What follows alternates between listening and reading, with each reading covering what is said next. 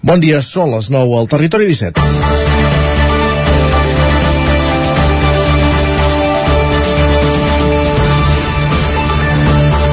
Aquest cap de setmana l'hem passat amb temperatures extremes, en plena onada de calor, amb desenes d'incendis simultanis que han posat a prova els bombers, que us he d'explicar. I dilluns llegíem el següent titular al portal 324. Denuncien fogueres, acampades i barbacoes en ple cap de setmana d'incendis simultanis. Pels més escèptics, amb la informació els hem d'aclarir que sí, que qui va fer la denúncia van ser el cos dels agents rurals de Catalunya i en concret a les comarques de la Noguera i el Pallars Jussà. I és que els humans som així. Per molt que la majoria ens comportem cívicament, sempre hi ha qui, sempre hi ha la minsa minoria que dona la nota. Realment, amb la situació del cap de setmana s'ha de viure molt al marge de tot, com per fer foc a l'aire lliure i més quan cada any es publicita i s'explicita que està prohibit fer-ho entre el 15 de març i el 15 d'octubre. Dit això, demà és la nit de la Rebella de Sant Joan i hi ha municipis que han decidit aplicar mesures més o menys restrictives per la seva venda o ús. És el cas al territori 17 de Vallromanes, al Vallès Oriental, que està al mig del bosc i per tant és difícil no tirar petards a més de 500 metres de la massa forestal, o Vigues i Riells del Fai. A Vic, un any més, han prohibit fer esclatar els petards més potents, els coets més potents, als carrers estrets del centre històric.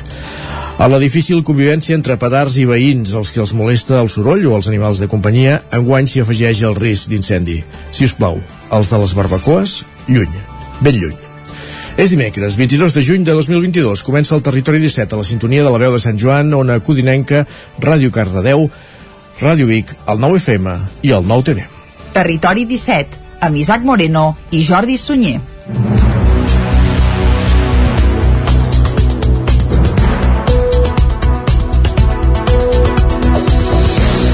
Passen dos minuts de les 9 del matí d'avui dimecres, dia 22 de juny de 2022. Cuita, 22 del 6 del 22, primer dia, per cert, sencer, de l'estiu uh, astronòmic uh, d'aquest any 2022. Això ens ho recordarà de seguida quan ens capbussem a la informació meteorològica. Això ens ho recordarà en Pep Acosta. I què farem durant la primera hora avui a Territori 17? Doncs, com sempre, us acostarem tota l'actualitat, la meteorològica també, de les nostres comarques. Després, a partir de les 10 el que farem és actualitzar butlletins informatius, parlar de nou del temps i anar cap a l'entrevista. Avui des d'on, Isaac? Avui anirem a parlar amb Marià Baqués, que és el coordinador de la Universitat Estiu del Moianès, que arriba a la vuitena edició en, en aquest estiu, valgui la redundància, que ja ha obert inscripcions amb ganes de tornar a la normalitat després de dos anys de pandèmia. És una iniciativa del Consell Comarcal del Moianès i la Universitat Ramon Llull, la Blanquerna. Doncs vinga, els detalls d'aquesta Universitat d'Estiu del Moianès a l'entrevista d'avui. Tot seguit, cap a dos quarts d'onze serà el moment de les piulades, tot seguit anirem a la taula de redacció i després, com que és dimecres, ens tocarà Lletra Ferits. Avui, des de la veu de Sant Joan, des del Ripollès, amb l'Isaac Muntades, conversarem amb la Carla Escarrà, de la llibreria La Lluerna de Ripoll, nascuda el 29 de gener a la cooperativa, de la mà de la cooperativa Mas La Sala, i farem balanç d'aquests primers mesos en marxa d'aquesta nova llibreria a Ripoll, La Lluerna. Doncs vinga, amb la Carla Escarrà. Tot seguit, a les 11 serà el moment d'actualitzar de nou butlletins informatius i qui ens visitarà cap a un quart de 12 serà en Jordi Givert. Com cada setmana des d'Ona Codinenca i coneixent històries, iniciatives sostenibles al nostre territori. A dos quarts de 12 serà el moment de pujar com cada dia al tren, a la Trenc d'Alba, a la R3 i tot seguit, doncs, agenda d'actes culturals per un cap de setmana marcat Llarg. per la llargada, perquè seran tres dies de festa, eh? Tres dies i una nit. I una nit, i la rebella. Comença amb la rebella de Sant Joan demà. Que és demà, demà eh? Demà dijous. Ja eh? sento l'olor de coca des d'aquí, més que la de petards, eh? M'agrada molt més la de coca. No sé si també. tu, Isaac, sí, sí, també. jo també soc més de coca. Doncs vinga, va. Coques de I Sant cava, Joan. I cava, que fa, el que faci falta. Vinga, va, que és Sant Joan, patró dels països catalans. Uh, ja ens hem situat, i ara el que hem de fer és arrencar, eh? I com sempre, començarem acostant-vos l'actualitat de les nostres comarques. Ja ho sabeu, les comarques del Ripollès, Osona, el Moianès i el Vallès Oriental.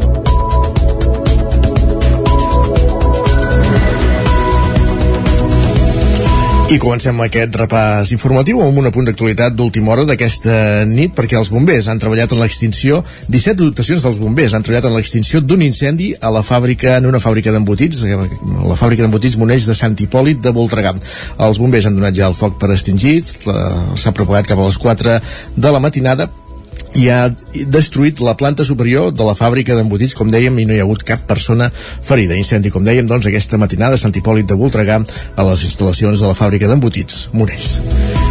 Més qüestions. El COE retira la candidatura conjunta de Catalunya i l'Aragó per celebrar els Jocs Olímpics d'hivern l'any 2030. Isaac Muntades, la veu de Sant Joan. Era un secret a veus des de fa uns dies, però aquest dimarts el president del Comitè Olímpic Espanyol, Alejandro Blanco, va confirmar en roda de premsa la retirada de la candidatura conjunta entre Catalunya i l'Aragó per celebrar els Jocs Olímpics d'hivern del 2030, però també va obrir una porta de cara al futur. Així ho expressava Blanco. Lo que hemos luchado no podemos mantenerlo. Al no haber acuerdo entre Cataluña y Aragón, la candidatura conjunta no existe, no se puede materializar. Abrimos la posibilidad de que si alguno de los territorios de los que ahora hablamos u otros territorios quieran presentar en el futuro una candidatura para la posible organización de los Juegos Olímpicos, lo presenten ante el Comité Olímpico Espanyol. Blanco no entenia per què l'Aragó s'havia desmarcat del projecte quan la candidatura havia estat aprovada pels tècnics de la comunitat aragonesa. Aragón tenía 54 pruebas, Cataluña 42, 2.138 en Aragón y 2.520 en Cataluña. Había más deportistas en Cataluña, había más pruebas en Aragón. Esta es la propuesta que aprobó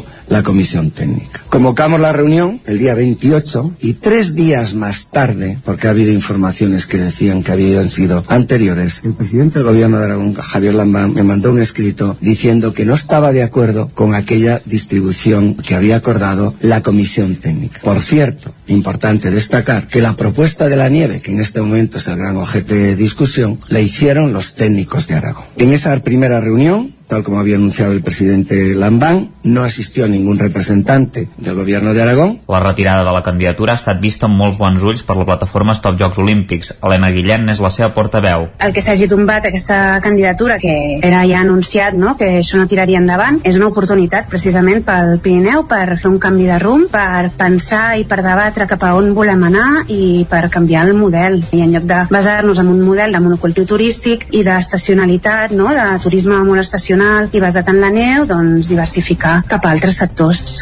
Guillén es va mostrar satisfeta que el moviment contrari als Jocs Olímpics s'hagi manifestat amb força durant aquests mesos i creu que el Pirineu hi guanyarà perquè hi haurà menys especulació, no es construiran les grans infraestructures que no són necessàries per a la població i les inversions que estan previstes pel Pirineu es podran fer igualment. En les últimes hores la CUP també va demanar la dimissió de la consellera de la presidència, Laura Vilagrà, perquè consideren que ha fet una gestió nefasta en relació als Jocs Olímpics d'hivern. Més qüestions, la pandèmia va fer créixer el nombre de persones que s'atenen des de Càritas Diocesana de Vic, un fet que encara té conseqüències i que ha incidit en la cronificació de la pobresa entre els més vulnerables. Aquesta és una de les dades que es desprenen de la memòria que l'entitat, que també detalla que el 30% dels usuaris són persones en una situació administrativa irregular. Un dels punts positius és que van augmentar el nombre de voluntaris. Una de cada tres persones que va atendre Càritas Diocesana de Vic l'any passat es trobava en una situació administrativa irregular, sense autorització de residència violència. És una de les dades que es desprenen de la memòria anual de l'entitat. Representen el 30% de les 5.148 persones vulnerables que va atendre Càritas el 2021, una xifra que encara va augmentar respecte a l'any anterior. Ho explica el bisbe de Vic, Romà Casanova. Hem de constatar un augment de la vulnerabilitat. Es constata això, augmentar la vulnerabilitat sempre quan hi ha crisis, i sempre estem en crisis, però ara hi ha moltes crisis que es van sumant una darrere l'altra, és l'econòmica, que és Itàlia, la de les guerres, la pandèmia, anem sumant, sempre, sempre al final qui ho paga sempre són els punts més febles. El secretari tècnic de Càritas Diocesana de Vic, Fran Quirós, parla de les causes que explicarien aquestes xifres. Les causes que, que, que nosaltres atribuïm en aquest augment és les situacions que ja portem des de fa temps, abans de la Covid, que ja les portem cronificades, però també les conseqüències, diguéssim, de la Covid les, encara les arrosseguem. Pel que fa a les xifres del 2021, el 74% de les persones que va atendre l'entitat són procedents d'altres països i el 42% són famílies amb fills. La meitat de les persones que tenen, a més, té problemes d'habitatge. Quiros també ressaltava que el 48% es troben en situació d'atur, però això no vol dir que el restant, que el 52% restant, treballi, sinó que pot ser que ni tinguin atur ni renda garantida. Escoltem a Fran Quirós les polítiques que s'estan duent a terme durant aquests últims mesos eh, no ajuden a incentivar gaire, diguéssim, eh, a donar, diguéssim, resposta o, o a oferir, diguéssim, jocs de feina. Això ens preocupa perquè ens està generant que persones que volen accedir al mercat laboral no poden accedir. Per atendre totes les demandes, Càritas Diocesana de Vic va gestionar un pressupost de 2,4 milions d'euros, uns 300.000 euros més que l'any anterior. La part positiva que recull la memòria és l'augment de voluntaris, que després del descens per la pandèmia s'ha recuperat. Un usonenc ha iniciat una vaga de fam per reclamar que s'obri una via de diàleg en el conflicte entre Ucraïna i Rússia. Es tracta del centellenc José Manuel Aguilera. Des de dimecres passat està en vaga de fam per demanar a la presidenta de la Unió Europea, Ursula von der Leyen, que aturi la guerra d'Ucraïna.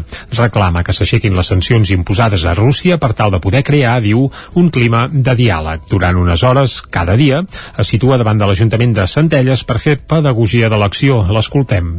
Els motius eh, per què ha començat la vaga és perquè ja eh, totes les vies eh, que tenia se'n van exaurir.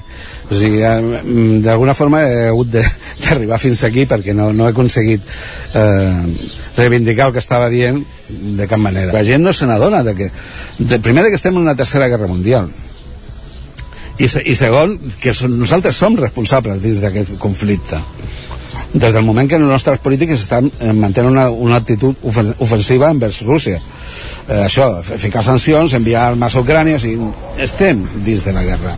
En el marc de la vaga de fam també ha creat la web i ha iniciat una recollida de signatures. Aguilera ja havia fet una vaga de fam anteriorment, com aquest cop, seguint els passos de Mahatma Gandhi, a qui té com a referent. L'anterior vaga de fam va durar dos mesos. A Cardedeu en els darrers anys han desaparegut associacions veïnals per falta de relleu generacional. Algunes, però, sí que aconsegueixen passar el testimoni a gent més jove. És el cas de l'Associació de Veïns del Centre. Núria Lázaro, Ràdio Televisió, Cardedeu. A Cardedeu, la primera associació de veïns va néixer el 1979 i des de llavors pràcticament són les mateixes persones les que tiren endavant el projecte. Hi ha moltes associacions de veïns aquí a Cardedeu que han acabat desapareixent i d'altres que només es reuneixen per fets puntuals o problemàtiques que tenen com a barri. Fa 27 anys, al 1995, va néixer l'Associació dels Veïns del Centre de Cardedeu, associació que des de llavors s'encarrega de la Fira de Nadal i del Bicivil a una gincana en bicicleta per Cardedeu. És una de les poques associacions que queden actiu. Mercè Jovany, presidenta de l'Associació de Veïns del Centre de Cardedeu fa temps que busquem doncs, que ens rellevin, no? Però costa, costa. La gent, eh, el dia que fem l'acte, eh, surt gent de tot arreu, oi, eh, us vindré a ajudar, aquell dia vindré. Però el dia a dia, el dia a dia, les reunions, les trobades, l'organització, preparar-ho, trucades, mil coses que hi ha per organitzar una festa o un esdeveniment, eh, costa, costa molt. Per fi hem trobat eh, la Laia Cruixent, una noia jove, arriada, ha entrat amb moltes ganes, amb un grup de dones, eh, companyes i amigues seves, i nosaltres encantats de la vida. L'Associació de Veïns del Centre de Cardedeu ha fet un pas més per poder-se mantenir en actiu i actualitzada. Des de fa uns mesos tenen compte d'Instagram i ja han arribat als mil seguidors. El Bicivillage el van organitzar les dues generacions juntes i el següent repte és la Fira de Nadal d'aquest any, on els que estaven des de fa 27 anys al capdavant començaran a fer un pas al costat. Aquesta mateixa setmana s'han complert 5 anys que la Diputació de Barcelona va anunciar la compra de l'emblemàtic Espai Natural de Sant Miquel del Fai, aleshores de propietat privada. Les obres d'adequació sumen un nou retard i l'espai no obrirà com a mínim fins passat l'estiu. Gemma Permanyer, Ona Codinenca. L'espai natural de Sant Miquel del Fai, tancat al públic des de fa 5 anys, quan el va comprar la Diputació de Barcelona, es mantindrà tancat com a mínim dos mesos més, fins passat l'estiu. Així ho han informat els tècnics de la Diputació aquest dilluns al matí en una visita d'obres que s'ha fet a porta tancada amb les tres alcaldies de l'espai natural, que són Vigues i Riells del Fai, Sant Feliu de Codines i Sant Quirze Safaja, i també amb els presidents dels dos consells comarcals, el del Vallès Oriental i el del Moianès. La darrera data que hi havia sobre la taula era finals de juny, quan s'acabessin les obres de l'aparcament. Tot i que l'aparcament per 90 vehicles i dos autobusos ja s'ha acabat, encara queden algunes tasques per fer. Així ho explica l'alcaldessa de Sant Feliu, Mercè Serratacó. Van fent. De moment ens han dit que no obriran ara, sinó que obriran eh, en principi cap a l'octubre. Han parlat de finals de setembre, primers d'octubre. Em, em creuré més l'octubre que el setembre, també us ho he de dir i llavors en principi no, no es podrà accedir a tot eh, nosaltres hem fet la visita fins després de passar per darrere del salt de l'aigua un cop obri es podrà visitar l'espai fins al salt d'aigua del Tenes, és a dir, es podrà veure la casa del Priorat, la bassa i l'església de Sant Miquel. L'espai que arriba fins a l'ermita de Sant Martí, de moment, es mantindrà tancat, així com les coves. I ens han dit que la cova, en principi, tampoc s'hi podrà accedir perquè la gent l'havia vandalitzat moltíssim. Ens han, a mi m'ha fet molta pena, però mentre havia estat obert al públic havien trencat estalactites i bueno, una cosa i diu que, no, que clar que no, que no obriran de moment, que miraran a veure com ho fan Serratacó també ha explicat que l'entrada al recinte serà lliure però que caldrà fer-ne una reserva prèvia de manera telemàtica perquè per seguretat es vol tenir en tot moment l'aforament controlat. Gràcies, Gemma. Més qüestions. La segona Fira de Dones Artesanes de Sant Hipòlit de Voltregà va trepitjar fort aquest diumenge, com dèiem, un total de 75 parades, una vintena més que la darrera edició. Tot i la calor va ser tot un èxit. La Fira pretén visibilitzar l'artesania produïda per dones i potenciar l'emprenedoria. Aquest cop, ja sense mesures de seguretat per la pandèmia, els visitants podien recórrer sense restriccions tot el carrer Josep Tarradellas de Sant Hipòlit. La Fira de les Dones Artesanes celebrava la segona edició i la llarga avinguda es va omplir de tot tipus tipus de productes, bijuteria, moda, pintura, decoració per a la llar, artesania de tota mena i tot produït i venut per dones. En total, més de 75 firaires, una xifra molt superior a la de la darrera edició i que comptava amb tot un programa d'activitats culturals al voltant, amb música, pintura en directe, jocs infantils o tastos de cervesa. La trobada volia visibilitzar la figura de la dona i donar una empenta a l'emprenedoria, ho remarca l'alcalde de Sant Hipòlit de Voltregà, Gerard Sancho. Jo crec que hi ha fira de dones artesanes per anys i en mica en mica hem d'anar trobant aquesta cabuda per, per acabar sent aquest referent a la comarca d'Osona uh, jo crec que aquest any també estem supercontents perquè hem passat d'aquestes 50 periodistes a 75 de moment uh, hi ha ambient, hi ha gent el que interessa és això, que hi hagi visitants perquè comprin, perquè així l'any següent diguem-ne tornin ganes de que totes aquestes artesanes tornin a venir. La fira és pionera a tot Catalunya i espera poder-se consolidar. Escoltem ara a Montse Pineda, secretària de Feminismes de la Generalitat, que també va ser a la fira. És excepcional i, i hauria de ser la norma, no? O sigui, una iniciativa tan important en un poble, no?, que té unes mm, línies marcades eh, d'igualtat crec que és, és molt rellevant i aquest és un, és un exemple no? en un sol espai no? es posa en valor no? el treball que fem les dones a les dones artesanes i també aquesta transformació d'ocupar a l'espai, de dir, no? Ja és un moment en què les dones estiguem posant en evidència el treball que fem com a dones, però també posant en evidència la necessitat d'una economia molt més propera, una economia que també no? Estigui no? en, en ulls de dona. La fira tenia també, la fira volem dir, tenia també com a convidades uh, unes figures molt especials, totes les gegantes que hi ha al Voltreganès. Molt bé. I un últim apunt per acabar aquest bloc informatiu. Més de 700 persones van participar dilluns a Sant Eugeni de Berga a la nit dels campions d'Osona. L'acte, que es va recuperar després del parèntesi obligat per la pandèmia, va premiar els 29 campions i campiones usonencs de lligues de futbol i futbol sala d'aquesta passada temporada. Entre els que van pujar a recollir guardons hi havia el primer equip del Tona, que ha aconseguit l'ascens a tercera federació. També es van lliurar tres guardons especials a Jordi Rodríguez, Joan Vila i Antonio Fraile per la seva dedicació respectivament al Santa Eugènia de Futbol, al Sant Julià i al Borgunyà.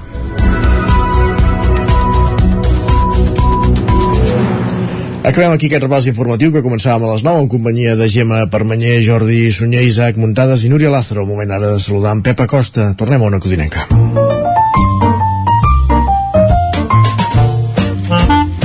Casa Terradellos us ofereix el temps. En Pep Acosta, que cada dia ens acosta la informació meteorològica i ara el saludem de nou ja en ple estiu, de cap a l'estiu. Pep, salut i bon dia. Hola, molt bon dia. Bon dia, bon dia. Benvinguts a la informació meteorològica. Gràcies. Què tal esteu? Bé. Primera informació meteorològica de l'estiu sí. de l'any 2022.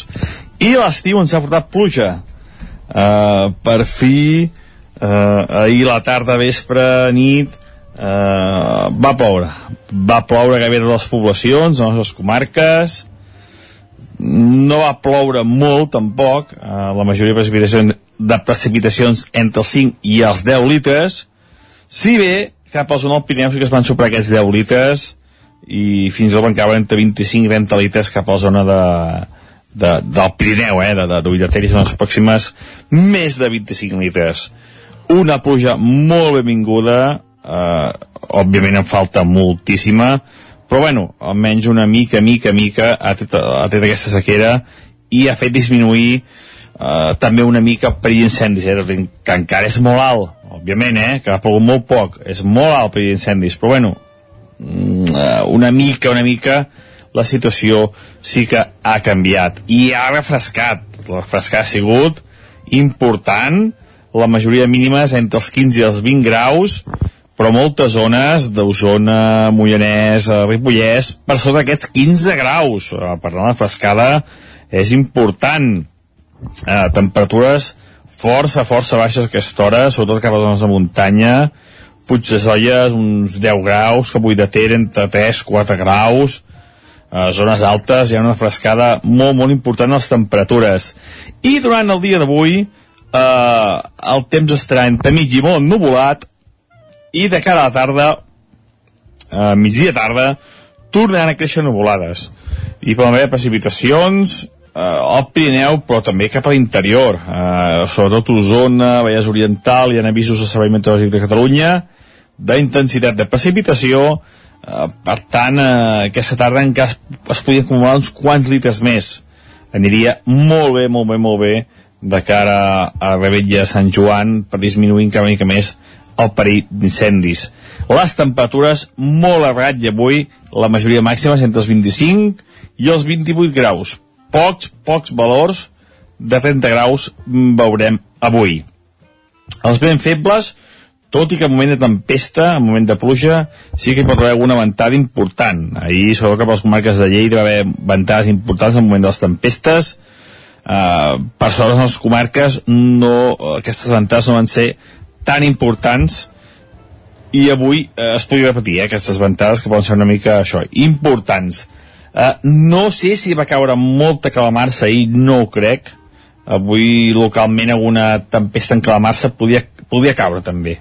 Però esperem que no perquè això eh, sí que faria mica mal als cultius i poca cosa més eh, disfrutar del dia d'avui aviam si s'acumulen més litres i mica en mica anem eh, corregint aquest dèficit d'aigua dèficit d'aigua tan important que tenim a casa nostra. Moltes gràcies, adeu. A tu, Pep. Això està bé, te'n vas a dormir, lleves ja ploguts, veus? Exacte. Carrers molls, sense pols, eh, i a més ens ha rentat el cotxe, perquè van caure quatre gotes ahir al vespre, tarda, vespre, sí. algunes contrades al territori I, i, i al migdia matí, també. Sí, sí, ens va deixar el cotxe d'una manera fantàstica, pols, però aquest matí... Sàhara, que vols? Sí, però la, en canvi el front que ha passat al matí era ha, més hi ha qui se'n va al Sàhara i, i torna amb una ampolleta de, de terra d'allà, aquí ja ens cau del cel directament, sí, ja no cal anar Això també és cert. Ai, bé, què hi farem? Uh, anem al quiosc? Va, som -hi. Va, amb pols o sense, anem-hi, vinga.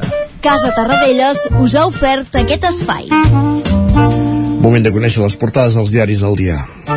Comencem, Jordi, pel punt avui? Comencem pel punt avui que titula Funeral Olímpic i evidentment això fa referència a que la candidatura dels Jocs d'hivern pel 2030 doncs se n'ha anat a Can Pistraus, ras i curt. També es veu eh, una encaixada, eh, bé, es veu Joan Laporta davant l'estadi olímpic Lluís Companys i diu el Barça lloga Montjuïc per una temporada. Serà la temporada no aquesta que ve sinó l'altra, la 2023-24, en què el Barça jugarà a Montjuïc perquè s'estaran fent obres al Camp Nou. També nou vet a l'ús del català, el basc i el gallec al Congrés, ves quina sorpresa, i també mort Jordi Bonet, continuador de l'obra de Gaudí en aquest cas a la Sagrada Família. Més portades, anem cap a l'ara. Som-hi. El president del Comitè Olímpic Espanyol carrega contra l'Amban pels Jocs. És a dir, el president del Comitè Olímpic Espanyol té clar que la culpa que hagi fracassat la candidatura és del president de la comunitat autònoma de l'Aragó. Després a l'ara hi ha un tema molt interessant, eh? Aviam, I és aviam, com fer que els mosquits no ens amarguin l'estiu. Això surt a la portada i a dins Oh, a uns un quants expert, eh, consells. però vaja. Expert en què? En evitar que et piquin o en ser picat?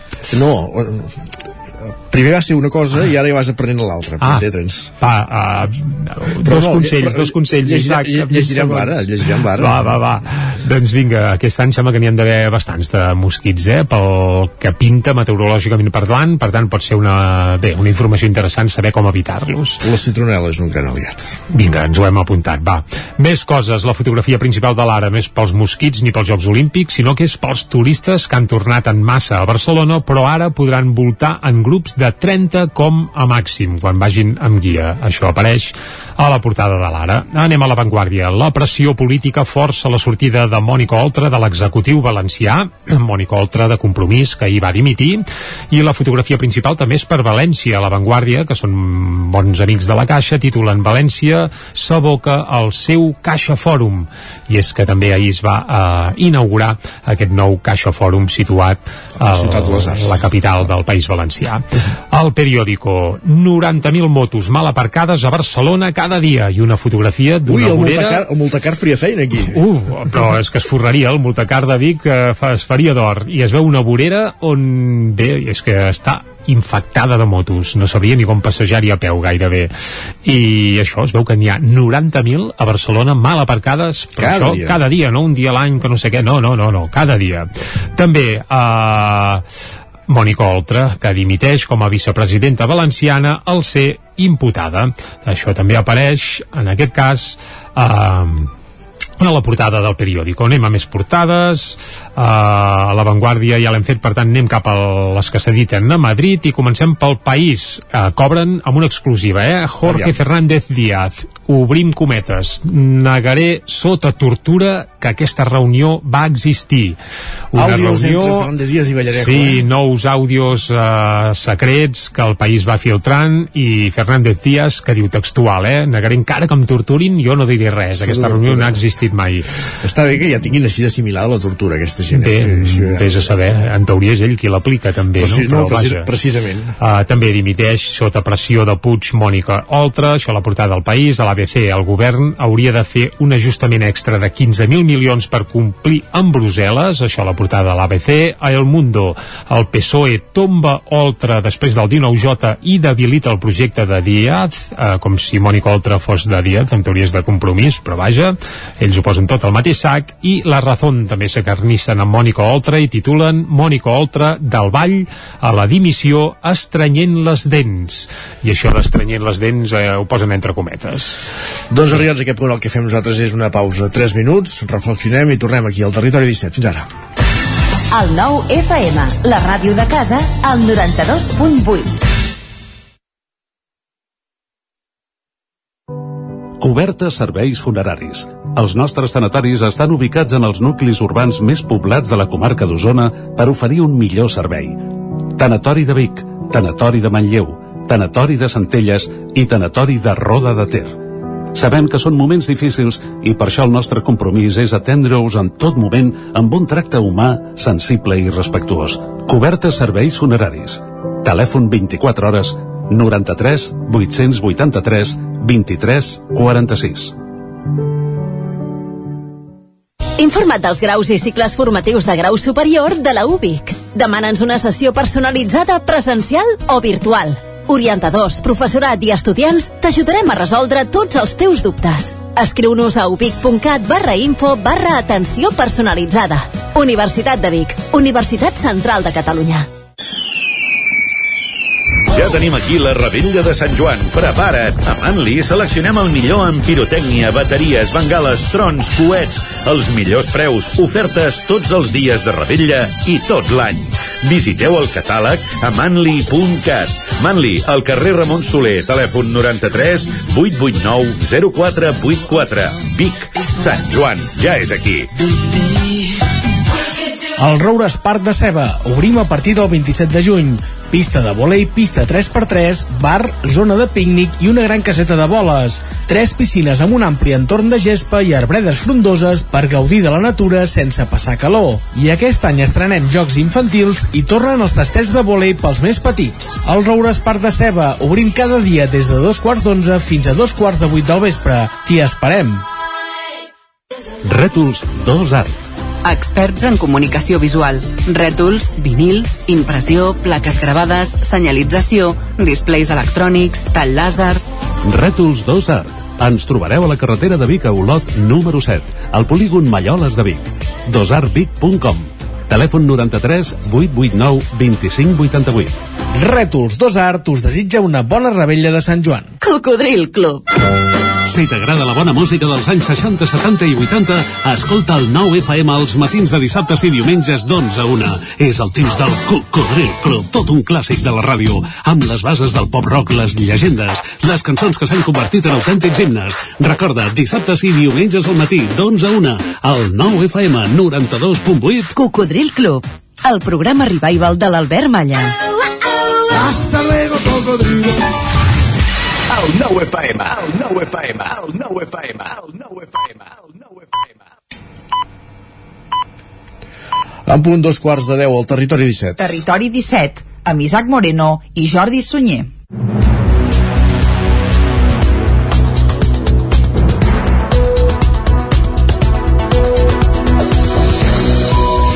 I a dos quarts de deu en punt. D'avui dimecres dia 22 de juny de 2022 el que fem és seguir en directe aquí a Territori 17 Vols una notícia d'última hora que et farà gràcia? Ostres, uh, bé, bé, doncs va, sí. Saps que la setmana passada s'ha posat en marxa allò de, de, del pla ibèric, diguéssim, per, per reduir la factura de la llum eh, limitant el preu el del gas. preu del gas, exacte, posant un topall al doncs preu com del que gas suposo natural. que no està donant els resultats que s'esperava el primer dia ja en vam parlar i el primer dia va ser un fracàs titular però d'última al cap hora d'una setmana titular d'última hora del 324 Pedro Sánchez anuncia una rebaixa de l'IVA de la llum del 10 al 5% Bé, doncs uh, benvinguda sigui en Benvinguda teoria sigui, sí, sí. si és per uh, abaratir la factura perquè és evident que, que està disparada i no de fa uns mesos sinó de Ja gairebé des de l'estiu passat el Dit això- 5%, va, doncs està bé, està bé, sí, està sí. bé. Doncs ens ho apuntem. Uh, I tant de bo ho notem a final de mes, també, de sobretot això segon. Vinga, ara el que farem, a part de saber que l'IVA pel que fa a la llum baixarà, baixarà del 10 al 5%, és avançar-vos tot el que farem des d'ara mateix i fins al punt de les 12 del migdia. Com cada dia, abans de les 10 hi posarem una mica de música i avui escoltarem una de les que serà les cançó, la cançó de l'estiu seguríssim. L'eufòria. No, oh. no, no, no, no, no, però té relació amb temes televisius. I és que hi ha un grup del Territori 17 que va fer un single del qual ja vam parlar, crec que cap al mes d'abril, i s'ha convertit en la banda sonora d'estiu de- d'un grup de comunicació privat català que té una tele, però vaja, ja, ja, ja, feu, feu, bé, tampoc hi ha gaire per triar, per tant de seguida ho endevinaríem. però privat en cançó- tele una tele vomitiva vols dir ja, ja sé per on vas Bé, uh, sí, els agrada el número 8, etc. Bé, tant és. Molt bé. Però la cançó és un tro i l'escoltarem avui aquí a Territori 17 amb l'excusa que ja explicarem més endavant, però que ja es pot dir que ja gairebé l'hem dit, eh? Després, va, a les 10 el que farem és actualitzar de nou butlletins informatius i a l'entrevista, Isaac, anirem cap al Moianès, que jo em pensava que no hi havia universitat al Moianès, Doncs ja porta segur 8 que sí, anys, 8 anys d'Universitat d'Estiu del Moianès, promoguda, com dèiem, pel Consell Comarcal i la Universitat Ramon Llull, Blanquerna, i en parlarem amb el seu coordinador, en Marià Baqués, a partir d'un quart d'onze, al territori 17. I vinga, tot seguit, cap a dos quarts d'onze serà el moment de les piulades, de posar-hi cullerada aquí al territori 17, tot seguit a la taula de redacció i més endavant, és dimecres, vol dir que ens tocarà parlar de literatura. Avui, per on ho farem? Això? Avui parlem d'una llibreria, de la llibreria Llu La Lluerna de Ripoll, nascuda el passat 29 de gener, aviat farà mig any, a la cooperativa de Ripoll, de la mà també de la cooperativa Mas La Sala. En parlarem amb una de les seves responsables, que és la Carla Escarrai, en companyia de l'Isaac Montades, des de la veu de Sant Joan. Doncs vinga, avui cap a la Lluerna de Ripoll, a l'espai del Lletra Ferits, tot seguit, cap a les 11 actualitzarem de nou butlletins informatius i qui vindrà després serà en Jordi Givert. Com cada dimecres amb el territori sostenible des d'Ona Codinenca per conèixer experiències a l'entorn de les nostres comarques, experiències de productors del sector primari normalment eh, que tenen molt en compte la, la sostenibilitat i el medi ambient. A dos quarts de dotze serà el moment de pujar a la R3, com cada dia, a la Trenc d'Alba, i avui que és dimecres, com ho acabarem això? Amb l'agenda farem un recorregut pels actes festius que podem, dels quals podem gaudir aquests propers dies a casa nostra, a les comarques del territori 17. Doncs vinga, això serà la part final d'un programa que ara segueix, com sempre, acostant-vos l'actualitat de les nostres comarques. Ja ho sabeu, les comarques del Ripollès, Osona, el Moianès i el Vallès Oriental. I comencem aquest repàs informatiu amb un apunt d'actualitat d'última hora d'aquesta nit perquè els bombers han treballat en l'extinció 17 dotacions dels bombers han treballat en l'extinció d'un incendi a la fàbrica en una fàbrica d'embotits a la fàbrica d'embotits Moneix de Sant Hipòlit de Voltregà. Els bombers han donat ja el foc per extingit, s'ha propagat cap a les 4 de la matinada i ha destruït la planta superior de la fàbrica d'embotits, com dèiem, i no hi ha hagut cap persona ferida. Incendi, com dèiem, doncs, aquesta matinada a Sant Hipòlit de Voltregà a les instal·lacions de la fàbrica d'embotits, Monells. Més qüestions. El COE retira la candidatura conjunta de Catalunya i l'Aragó per celebrar els Jocs Olímpics d'hivern l'any 2030. Isaac Muntades, la veu de Sant Joan. Era un secret a veus des de fa uns dies, però aquest dimarts el president del Comitè Olímpic Espanyol, Alejandro Blanco, va confirmar en roda de premsa la retirada de la candidatura conjunta entre Catalunya i l'Aragó per celebrar els Jocs Olímpics d'hivern del 2030, però també va obrir una porta de cara al futur. Així ho expressava Blanco. Lo que hemos luchado no podemos mantenerlo. Al no haber acuerdo entre Cataluña y Aragón, la candidatura conjunta no existe, no se puede materializar. Abrimos la posibilidad de que si alguno de los territorios de los que ahora hablamos u otros territorios quieran presentar en el futuro una candidatura para la posible organización de los Juegos Olímpicos, lo presenten ante el Comité Olímpico Español Blanco no entenia per què l'Aragó s'havia desmarcat del projecte quan la candidatura havia estat aprovada pels tècnics de la comunitat aragonesa. Aragón tenía 54 pruebas, Cataluña 42, 2.138 en Aragón y 2.520 en Cataluña. Había más deportistas en Cataluña, había más pruebas en Aragón.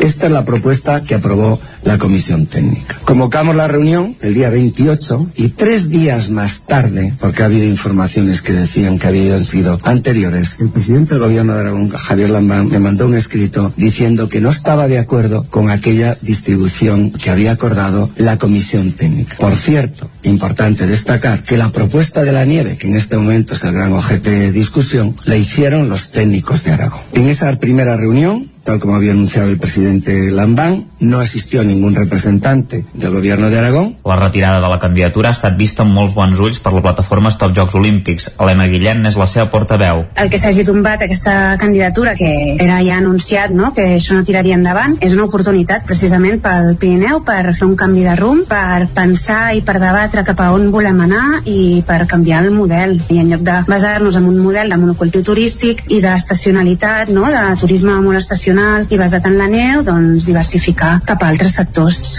Guillén es va mostrar satisfeta que el moviment contrari als Jocs Olímpics s'hagi manifestat amb força durant aquests mesos i creu que el Pirineu hi guanyarà perquè hi haurà menys especulació, no es construiran les grans infraestructures que no són necessàries per a la població i les inversions que estan previstes pel Pirineu es podran fer igualment. En les últimes hores la CUP també va demanar la dimissió de la consellera de la presidència, Laura Vilagrà, perquè consideren que ha fet una gestió nefasta en relació als Jocs Olímpics d'hivern. Més qüestions, la pandèmia va fer créixer el nombre de persones que s'atenen des de Càritas Diocesana de Vic, un fet que encara té conseqüències i que ha incidit en la cronificació de la pobresa entre els més vulnerables. Aquesta és una de les dades que es desprenen de la memòria que l'entitat, que també detalla que el 30% dels usuaris són persones en una situació administrativa irregular. Un dels punts positius és que van augmentar el nombre de voluntaris. Una de cada tres persones que va atendre Càritas Diocesana de Vic l'any passat es trobava en una situació administrativa irregular, sense autorització de residència. És una de les dades que es desprenen de la memòria anual de l'entitat. Representen el 30% de les 5.148 persones vulnerables que va atendre Càritas el 2021, una xifra que encara va augmentar respecte a l'any anterior. Ho explica el bisbe de Vic, Romà Casanova. hem de constatar un augment de la vulnerabilitat es constata això augmentar la vulnerabilitat sempre quan hi ha crisis i sempre estem en crisis però ara hi ha moltes crisis que es van sumant una darrere l'altra si l'econòmica, que és Itàlia, ara de les guerres, la pandèmia, anem sumant sempre, sempre al final qui ho paga sempre són els punts més febles. El secretari tècnic de Càritas Diocesana de Vic, Fran Quirós, parla de les causes que explicarien aquestes xifres. Les causes que, que, que nosaltres atribuïm en aquest augment és les situacions que ja portem des de fa temps, abans de la Covid, que ja les portem cronificades, però també les conseqüències, diguéssim, de la Covid les, encara les arrosseguem. Pel que fa a les xifres del 2021, el 74% de les persones que va atendre l'entitat són procedents d'altres països i el 42% són famílies amb fills. La meitat de les persones que tenen, a més, té problemes d'habitatge. Quirós també ressaltava que el 48% es troben en situació d'atur, però això no vol dir que el restant, que el 52% restant, treballi, sinó que pot ser que ni tinguin atur ni renda garantida. Escoltem a Fran Quirós les polítiques que s'estan duent a terme durant aquests últims mesos eh, no ajuden a incentivar gaire, diguéssim, eh, a donar, diguéssim, resposta o, o a oferir, diguéssim, jocs de feina. Això ens preocupa perquè ens està generant que persones que volen accedir al mercat laboral no poden accedir. Per atendre totes les demandes, Càritas Diocesana de Vic va gestionar un pressupost de 2,4 milions d'euros, uns 300.000 euros més que l'any anterior.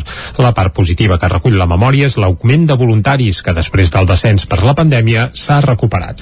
Un usonenc ha iniciat una vaga de fam per reclamar que s'obri una via de diàleg en el conflicte entre Ucraïna i Rússia. Es tracta del centellenc José Manuel Aguilera. Des de dimecres passat està en vaga de fam per demanar a la presidenta de la Unió Europea, Ursula von der Leyen, que aturi la guerra d'Ucraïna. Reclama que s'aixequin les sancions imposades a Rússia per tal de poder crear, diu, un clima de diàleg. Durant unes hores, cada dia, es situa davant de l'Ajuntament de Centelles per fer pedagogia de l'acció. L'escoltem. Els motius eh, per què ha començat la vaga és perquè ja eh, totes les vies eh, que tenia se'n van exaurir.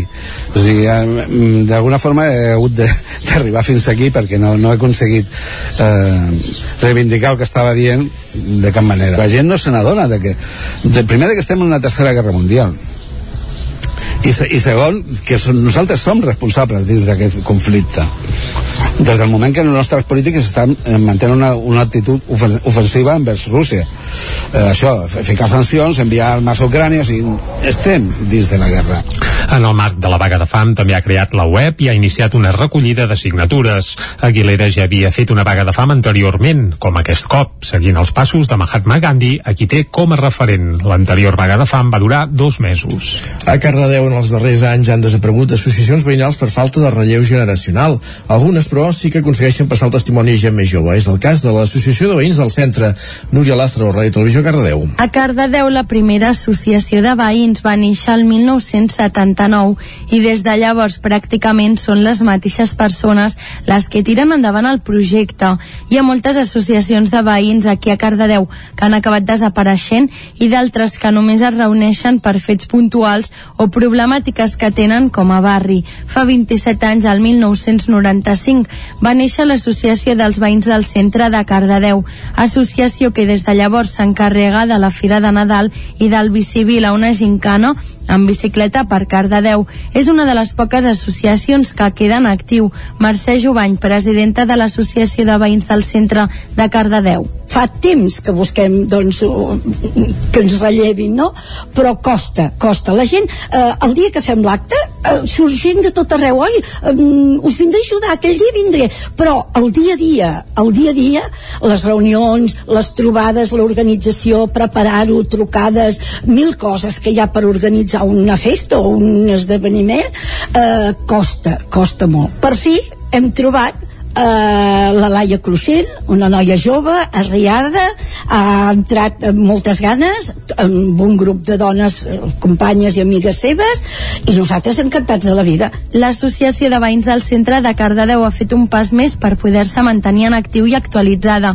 Des de fa uns mesos tenen compte d'Instagram i ja han arribat als mil seguidors. El Bicivila ja el van organitzar les dues generacions juntes i el següent repte és la Fira de Nadal d'aquest any, on els que estaven des de fa 27 anys al capdavant començaran a fer un pas al costat. Aquesta mateixa setmana s'han complert 5 anys que la Diputació de Barcelona va anunciar la compra de l'emblemàtic Espai Natural de Sant Miquel del Fai, aleshores de propietat privada. Les obres d'adequació sumen un nou retard i l'espai no obrirà com a mínim fins passat l'estiu. Gemma Permanyer, Ona Codinenca. L'espai natural de Sant Miquel del Fai, tancat al públic des de fa 5 anys, quan el va comprar la Diputació de Barcelona, es mantindrà tancat com a mínim dos mesos més, fins passat l'estiu. Així ho han informat els tècnics de la Diputació aquest dilluns al matí en una visita d'obres que s'ha fet a porta tancada amb les tres alcaldies de l'espai natural, que són Vigues i Riells del Fai, Sant Feliu de Codines i Sant Quirze Safaja, i també amb els presidents dels dos consells comarcals, el del Vallès Oriental i el del Moianès. La darrera data que hi havia sobre la taula era finals de juny, quan s'acabessin les obres de l'aparcament. Tot i que l'aparcament per 90 vehicles i dos autobusos ja s'ha acabat, encara queden algunes tasques per fer. Així ho explica l'alcaldessa de Sant Feliu, Mercè Serratacó. Van fent. De moment ens han dit que no obriran ara, sinó que obriran eh, en principi cap a l'octubre han parlat de finals de setembre primers d'octubre em, em creuré més l'octubre que el setembre també us ho he de dir i llavors en principi no, no es podrà accedir a tot eh, nosaltres hem fet la visita fins després de passar per darrere del salt de l'aigua un cop obri es podrà visitar l'espai fins al salt d'aigua del Tenes, és a dir, es podrà veure la casa del Priorat, la bassa i l'església de Sant Miquel. L'espai que arriba fins a l'ermita de Sant Martí, de moment, es mantindrà tancat, així com les coves. I ens han dit que la cova, en principi, tampoc s'hi podrà accedir perquè la gent l'havia vandalitzat moltíssim. Ens han, a mi m'ha fet molta pena, però mentre havia estat obert al públic havien trencat estalactites i van una cosa i diu que, no, que clar que no, que no obriran de moment, que miraran a veure com ho fan Serratacó també ha explicat que l'entrada al recinte serà lliure però que caldrà fer-ne una reserva prèvia de manera telemàtica perquè per seguretat es vol tenir en tot moment l'aforament controlat. Gràcies, Gemma. Més qüestions. La segona Fira de Dones Artesanes de Sant Hipòlit de Voltregà va trepitjar fort aquest diumenge, com dèiem, un total de 75 parades, una vintena més que la darrera edició. Tot i la calor va ser tot un èxit. La Fira pretén visibilitzar l'artesania produïda per dones i potenciar l'emprenedoria. Aquest cop, ja sense mesures de seguretat per la pandèmia, els visitants podien recórrer sense restriccions tot el carrer Josep Tarradellas de Sant Hipòlit. La Fira de les Dones Artesanes celebrava la segona edició i la llarga avinguda es va omplir de tot tipus de productes, bijuteria, moda, pintura, decoració per a la llar, artesania de tota mena i tot produït i venut per dones. En total, més de 75 firaires, una xifra molt superior a la de la darrera edició i que comptava amb tot un programa d'activitats culturals al voltant, amb música, pintura en directe, jocs infantils o tastos de cervesa. La trobada volia visibilitzar la figura de la dona i donar una empenta a l'emprenedoria, ho remarca l'alcalde de Sant Hipòlit de Voltregà, Gerard Sancho. Jo crec que hi ha fira de dones artesanes per anys i en mica en mica hem d'anar trobant aquesta cabuda per, per acabar sent aquest referent a la comarca d'Osona uh, jo crec que aquest any també estem supercontents perquè hem passat d'aquestes 50 periodistes a 75 de moment uh, hi ha ambient, hi ha gent el que interessa és això, que hi hagi visitants perquè comprin, perquè així l'any següent diguem no tornin ganes de que totes aquestes artesanes tornin a venir La fira és pionera a tot Catalunya i espera poder-se consolidar.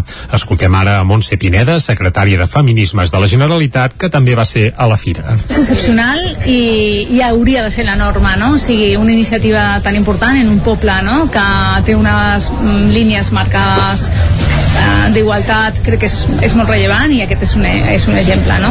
en un sol espai no? es posa en valor no? el treball que fem les dones a les dones artesanes i també aquesta transformació d'ocupar l'espai, de dir, no?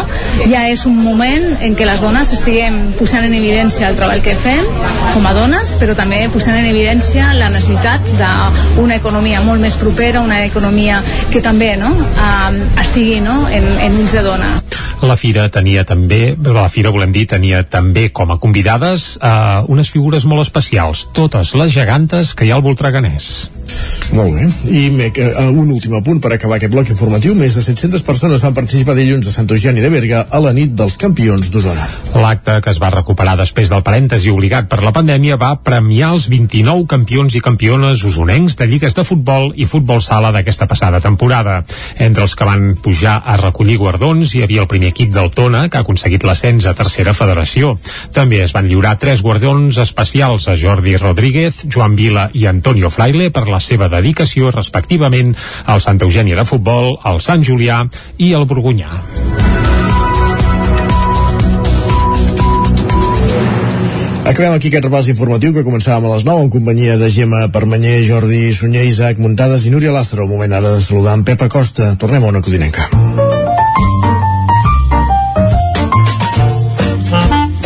Casa Terradellos us ofereix el temps. En Pep Acosta, que cada dia ens acosta la informació meteorològica i ara el saludem de nou ja en ple estiu, de cap a l'estiu. Pep, salut i bon dia. Hola, molt bon dia. Bon dia, bon dia. Benvinguts a la informació meteorològica. Gràcies. Què tal esteu? Bé. Primera informació meteorològica de l'estiu Sí. de l'any 2022. I l'estiu ens ha portat pluja. Uh, per fi, uh, ahir la tarda, vespre, nit, uh, va ploure. Va ploure gairebé a les poblacions, a les nostres comarques, no va ploure molt tampoc. Uh, la majoria de precipitacions, de precipitacions entre els 5 i els 10 litres. Si bé cap al zona del que es van superar aquests 10 litres i fins i tot van caure entre 25 i 30 litres cap a la zona de, de, del Pirineu, eh, de, de, de Villateris en les pròximes més de 25 litres una pluja molt benvinguda eh, òbviament en falta moltíssima però bueno, almenys una mica, mica, mica ha tret, ha tret aquesta sequera i ha fet disminuir eh, també una mica el perill d'incendis, eh, que encara és molt alt òbviament, eh, que ha plogut molt poc, és molt alt per incendis, però bueno, mm, eh, una mica, una mica, la situació sí que ha canviat. I ha refrescat. El refrescar ha sigut important, la majoria mínimes entre els 15 i els 20 graus, però moltes zones d'Osona, Moianès, eh, Ripollès, per sota d'aquests 15 graus. Eh, per tant, la frescada és important. Eh, temperatures força, força baixes aquesta hora, sobretot cap a zones de muntanya, Puig de uns 10 graus, Capull de Ter, entre 3 4 graus, a zones altes hi ha una frescada molt, molt important a les temperatures. I durant el dia d'avui eh, el temps estarà entre mig i molt nuvolat i de cara a la tarda, eh, migdia tarda, tornaran a créixer nuvolades. I poden haver precipitacions eh, al Pirineu, però també cap a l'interior, eh, sobretot Osona, Vallès Oriental, hi ha avisos del Servei Meteorològic de Catalunya, d'intensitat de precipitació, Uh, per tant, uh, aquesta tarda encara es, es podien acumular uns quants litres més. Aniria molt bé, molt bé, molt bé de cara a la rebetlla de Sant Joan per disminuir encara mica més el perill d'incendis. Les temperatures molt a ratll avui, la majoria màxima entre els 25 i els 28 graus. Pocs, pocs valors de 30 graus veurem avui. Els ben febles, tot i que en moment de tempesta, en moment de pluja, sí que hi pot haver alguna ventada important. Ahir, sobretot cap a les comarques de Lleida, va haver ventades importants en moment de les tempestes. Uh, per sort, les comarques, no, aquestes ventades no van ser tan importants i avui uh, es podria repetir, eh, aquestes ventades que poden ser una mica això, importants. Uh, no sé si va caure molta calamarsa ahir, no ho crec. Avui localment alguna tempesta en calamarsa podia, podia caure també però esperem que no perquè això eh, sí que faria mica mal als cultius i poca cosa més eh, disfrutar del dia d'avui. Aviam si s'acumulen més litres. I mica en mica anem eh, corregint aquest dèficit d'aigua dèficit d'aigua tan important que tenim a casa nostra. Moltes gràcies, adeu a totet. Això està bé, te'n vas a dormir, et lleves i ha plogut, veus? Exacte, carrers molls, sense pols, eh, i a més ens han rentat el cotxe perquè van caure quatre gotes ahir al vespre, a tarda, vespre, sí. algunes contrades del territori I, i 17. I al migdia matí també. Sí, sí, ens va deixar el cotxe d'una manera fantàstica, els, però aquest matí... Sàhara, què més vols? Sí, però la, en canvi el front que ha passat al matí era ha, més net. I aquí se'n va al Sàhara i, i torna amb una ampolleta de, de terra d'allà, aquí ja ens cau del cel directament, sí, ja no cal anar-hi. Això també és cert. Ai, Bé, què hi farem? Uh, anem al quiosc? Va, som -hi. Va, amb pols o sense, anem-hi, vinga. Casa Tarradellas us ha ofert aquest espai. Moment de conèixer les portades dels diaris del dia. Comencem, Jordi, pel punt avui. Comencem pel punt avui que titula Funeral Olímpic i evidentment això fa referència a que la candidatura dels Jocs d'hivern pel 2030 doncs se n'ha anat a Can Pistraus, ras i curt. També es veu uh, una encaixada, uh, bé, es veu Joan Laporta davant l'estadi olímpic Lluís Companys i diu el Barça lloga Montjuïc per una temporada. Serà la temporada no aquesta que ve sinó l'altra, la 2023-24, en què el Barça jugarà a Montjuïc perquè s'estaran fent obres al Camp Nou. També nou vet a l'ús del català, el basc i el gallec al Congrés, ves quina sorpresa, i també mort Jordi Bonet, continuador de l'obra de Gaudí en aquest cas a la Sagrada Família. Més portades, anem cap a l'ara. El president del Comitè Olímpic Espanyol carrega contra l'Amban pels Jocs. És a dir, el president del Comitè Olímpic Espanyol té clar que la culpa que hagi fracassat la candidatura és del president de la comunitat autònoma de l'Aragó. Després de l'ara hi ha un tema molt interessant, eh? Aviam, I és aviam, com fer que els mosquits no ens amarguin l'estiu. Això surt a la portada i a dins Oh, a uns un quants expert, eh, consells. però vaja. Expert en què? En evitar que et piquin o en ser picat? No, eh, primer va ser una cosa i ara ja vas aprenent l'altra, Ah. entendre'ns. Va, uh, dos no, consells, dos consells. Isaac, llegirem ara, llegirem ara. Va, va, va. Doncs vinga, aquest any sembla que n'hi hem d'haver bastants de mosquits, eh? Pel que pinta meteorològicament parlant, per tant pot ser una, bé, una informació interessant saber com evitar-los. La citronela és un gran aliat. Vinga, ens ho hem apuntat, va.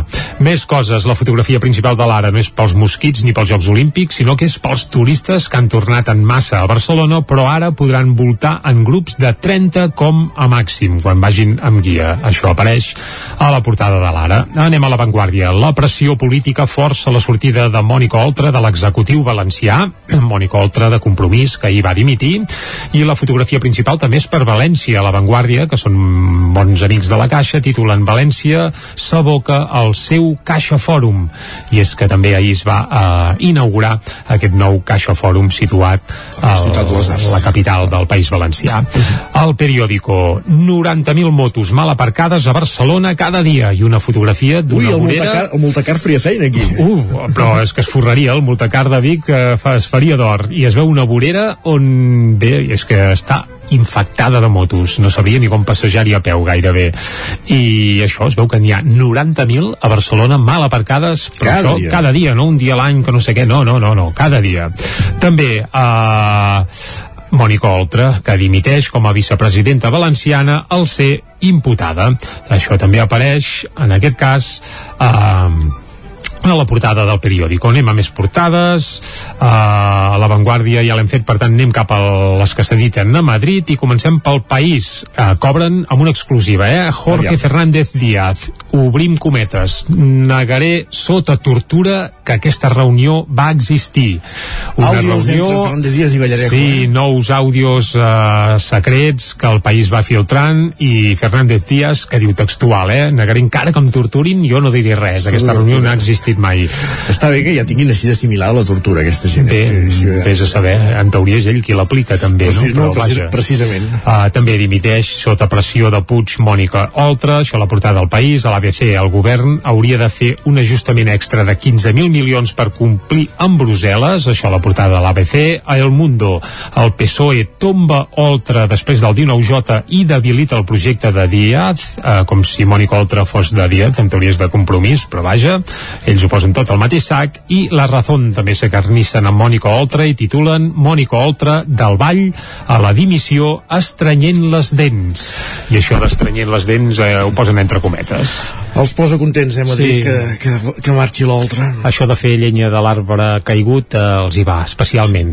Tot i que, clar, Mònica Oltra va marxar afegint allò que, ostres, és que des de Madrid intoxiquen no sé què, clar, coneixent les engrunes del que han fet amb Catalunya eh, Imagina't. per evitar el procés doncs només faltaria que un cop haguéssim alliberat bé, eh, és una hipòtesi eh, però només faltaria que després algú se li acudís parlar de països catalans i que el País Valencià doncs s'afegís a una hipotètica independència del Principat de Catalunya. Doncs conclusions, carreguem la Mònica Oltra que és d'un perfil entre cometes perquè seria molt relatiu eh, titllar-la de sobiranista però bé, almenys nacionalista mica valenciana sí, i, i ja està, se la treuen de sobre i per ells això és foc d'encenalls al costat de tot el que han fet amb l'Operació Catalunya i el que no sabem encara. Però com que no volem pas exacte, sí, sí, pues, eh, desenfadem-nos no ens hi atabalem gaire. Uh, arriba l'estiu i és l'època de les cançons de l'estiu. I quina serà una de les cançons de l'estiu aquest 2022 segons nosaltres aquesta que ja estem escoltant de fons es titula Em flipa. És dels usonencs Pelat i Pelut que van néixer com a grup de rumba però amb aquesta cançó també flirtegen amb la salsa. Per què? Doncs perquè s'han casat amb els Figa Flaues i junts han fet aquest mega single que és estiuenc i ballable i alegre i festiu a parts iguals.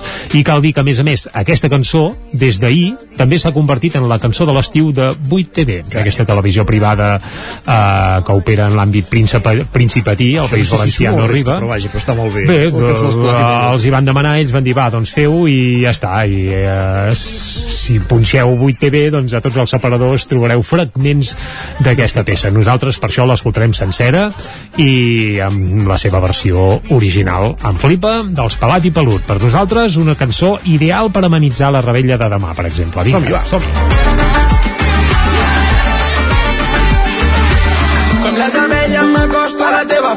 Donaria la vida si calgués per això. Només una missió, tu que me lo dado tot. Contentarà la meva reina perquè això és lo bo. I per satisfer-te, nena, estic tot consumit. Si les estrelles vigilen tot cobra sentit. Estic al·lucinant amb tot el que hem aconseguit. Però si te'n vas, seré un catxarro ferit. Està malament, també està bé.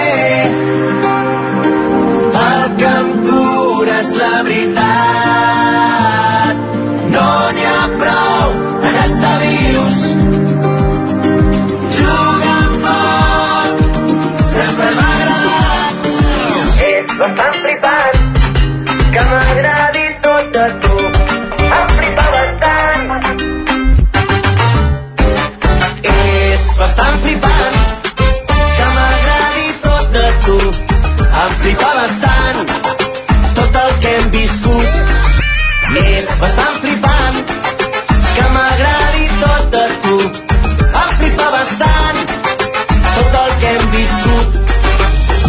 bastant flipant que m'agradi tot de tu em flipa bastant tot el que hem viscut és bastant flipant que m'agradi tot de tu em flipa bastant tot el que hem viscut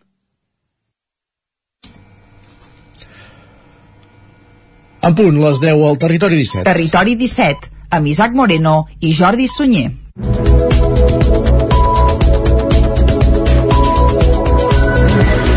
Dimecres 22 de juny de l'any 2022, 22 del 6 del 22, en el moment que al Territori 17 ens dediquem a fer un repàs a les notícies més destacades de les nostres comarques, les del Ripollès, Osona, el Moianès i el Vallès Oriental, en connexió amb les diferents redaccions que dia a dia fan possible aquest programa. La veu de Sant Joan, una Codinenca, Ràdio Cardedeu, Ràdio Vic, el 9 FM i el 9 TV. Es van confirmar caps de llista per les eleccions municipals del maig de l'any que ve, del 2023. A Manlleu, Marta Moreta ho serà per tercera vegada encapçalant la llista del PSC. La militància va validar per unanimitat la seva candidatura, l'única que s'ha presentat. Marta Moreta serà per tercera vegada la candidata del PSC a l'alcaldia de Manlleu. Va encapçalar la llista als comicis del 2015, també el 2019, i repetirà altra vegada el 2023 després que l'agrupació local del PSC hagi validat per unanimitat la seva candidatura, l'única que es va presentar a l'Assemblea. Escoltem a Marta Moreta. Creiem que aquesta vegada tenim oportunitat de tenir l'alcaldia de Manlleu i per tant, com que els militants m'han donat aquesta oportunitat, jo l'agafo amb, amb responsabilitat. La seguretat amb la creació de la plataforma ciutadana Manlleu diu prou i la polèmica a l'últim ple municipal es perfila com un dels grans temes de la campanya electoral quan arrenqui el municipi de Manlleu. Moreta també hi situa com a prioritats la indústria o l'habitatge. També serà important doncs, treballar temes d'habitatges que, que tampoc hem evolucionat com havíem d'haver evolucionat. Falten habitatges, el tema de l'esport, de la cultura, eh, de la indústria, com et deia, i, i, i tot això doncs, eh, és el que nosaltres plantegem eh, en, aquestes, en aquestes eleccions. La llista del Partit dels Socialistes de Catalunya a Manlleu inclourà militants del partit, però també es vol obrir a persones independents per guanyar transversalitat. Els socialistes tenen actualment tres regidors a l'Ajuntament de Manlleu, els mateixos que hi té la CUP. Esquerra, amb nou representants, i Junts, amb quatre, formen l'actual equip de govern. Marta Moreta és la segona candidata a l'alcaldia que s'oficialitza a Manlleu després que Esquerra escollís a l'actual regidora de Cultura, Eva Font, com a cap de llista. A més de portaveu del PSC al consistori, Moreta també és diputada al Parlament i membre de l'executiva del partit. I a Roda de Ter, Toni Mas, actual regidor d'Acció Social i Esports, serà el nou candidat a l'alcaldia d'Esquerra Republicana. Mas agafa el relleu al cap de llista en els dos últims comicis i actual alcalde, Roger Coromines, que quan acabi el mandat deixarà l'Ajuntament després de 12 anys. La candidatura de Toni Mas, l'única que es va presentar a l'assemblea feta aquest dilluns, va ser ratificada per unanimitat. Mas, diplomat en Educació Social, treballa com a orientador laboral i formador en tecnologies de la informació i la comunicació. Ha debutat com a regidor a l'actual mandat, primer a l'oposició i al govern des de l'estiu del 2020, quan Esquerra i dos dels regidors de Junts per Roda van presentar una moció de censura contra el fins llavors alcalde Albert Serra. Toni Mas destaca que la seva candidatura és fruit del treball de tot l'equip d'Esquerra a Roda i considera Roger Coromines un referent i una peça clau pel grup. L'escoltem. A mi m'ha engrescat molt la feina que portem fent durant dos anys de govern i un tercer any inicial que era oposició, a mi em va engrescat molt la delusió, l'empenta i, i veure que comptava amb tot l'equip. Uh, realment sí, jo faig el pas, però aquest pas uh, portava doncs, uh, doncs aquest acompanyament de l'equip, l'àmbit social i la transició energètica per afrontar el canvi climàtic són aspectes clau que, uh, que, hem de que estem posant sobre la taula i que ens són molt importants i que eh, seguirem treballant al llarg dels propers mesos. Mas també demana que se superin les diferències que han marcat la vida política a Roda els últims mandats, amb la gran igualtat en els resultats d'IPR i Esquerra des de l'any 2003, que des de les eleccions del 2011 ha estat encara més renyida perquè han tret exactament el mateix nombre de regidors. L'Hospital Universitari de Vic amplia l'actual unitat de cures intensives. Aquest dimarts es va traslladar a l'UCI a la planta 3.1, on es troba ubicada de manera provisional durant els dos mesos i mig que duraran els treballs de reforma que començaran dilluns de la setmana que ve. La unitat de cures intensives passarà dels 10, 10 llits actuals a 12. També s'hi millorarà la climatització, l'accés als boxes amb portes automàtiques i es redissenyaran les zones de control i de treball per fer-les més funcionals pel personal sanitari. També es vol incidir en la humanització dels espais on els pacients acostumen a passar períodes llargs ingressats. També es pretén fer més amable l'ambientació i s'hi instal·laran nous plafons d'il·luminació desenvolupats per l'empresa Novatilu, després de la jornada d'aliances per la innovació que el Consorci Hospitalari de Vic va organitzar l'any passat. La nova unitat de cures intensives hauria d'estar a punt a mitjans de setembre. Vic incorporarà tres radars mòbils per controlar la velocitat en punts conflictius de la ciutat. En total es faran inversions per valor de 390.000 euros en diversos àmbits vinculats a la seguretat ciutadana. Són aquests radars que citaves abans quan parlàvem de les motocicletes mal aparcades a les voreres de Barcelona. Eh? Si tinguessin el multacar, segurament farien feina. Bé, i és que posar-se al dia en matèria de seguretat ciutadana, renovar aparells que ja estan en funcionament a la ciutat de Vic i incorporar nova tecnologia, tot plegat es farà per aconseguir reduir l'accidentalitat al nucli urbà de Vic. Aquests són els objectius principals que es busquen amb l'aprovació durant l'últim ple d'una partida pressupostària de 390.000 euros. El més destacat és l'adquisició de tres radars mòbils per controlar la velocitat dels vehicles. Es vigilarà especialment a tres punts molt conflictius. Un d'ells, el pas de vianants entre la comissaria dels Mossos i la de la Guàrdia Urbana. El segon, a l'Avinguda Països Catalans, a l'altura del pont del Blanqueig. I per últim, al carrer Torelló. La Guàrdia Urbana de Vic, a més, ha incorporat la tecnologia Multacar, que és un aparell que es col·loca al sostre dels vehicles i permet registrar infraccions sense baixar del cotxe patrulla. Això significa que el vehicle circula pels carrers i si detecta infraccions, com poden ser aparcant llocs prohibits o sobre la vorera o enmig de passos de vianants o en carrils bici, s'hi fa una fotografia. Els agents continuen la seva ruta i no és fins que arriben a la comissaria que amb la prova de la imatge i la matrícula poden tramitar la denúncia. El segon bloc d'inversions permetrà renovar totes les càmeres i el programari d'accés a les illes de vianants. Per últim, la tercera inversió afectarà les càmeres d'ambient ubicades a la via pública que permeten llegir matrícules i detectar vehicles sospitosos.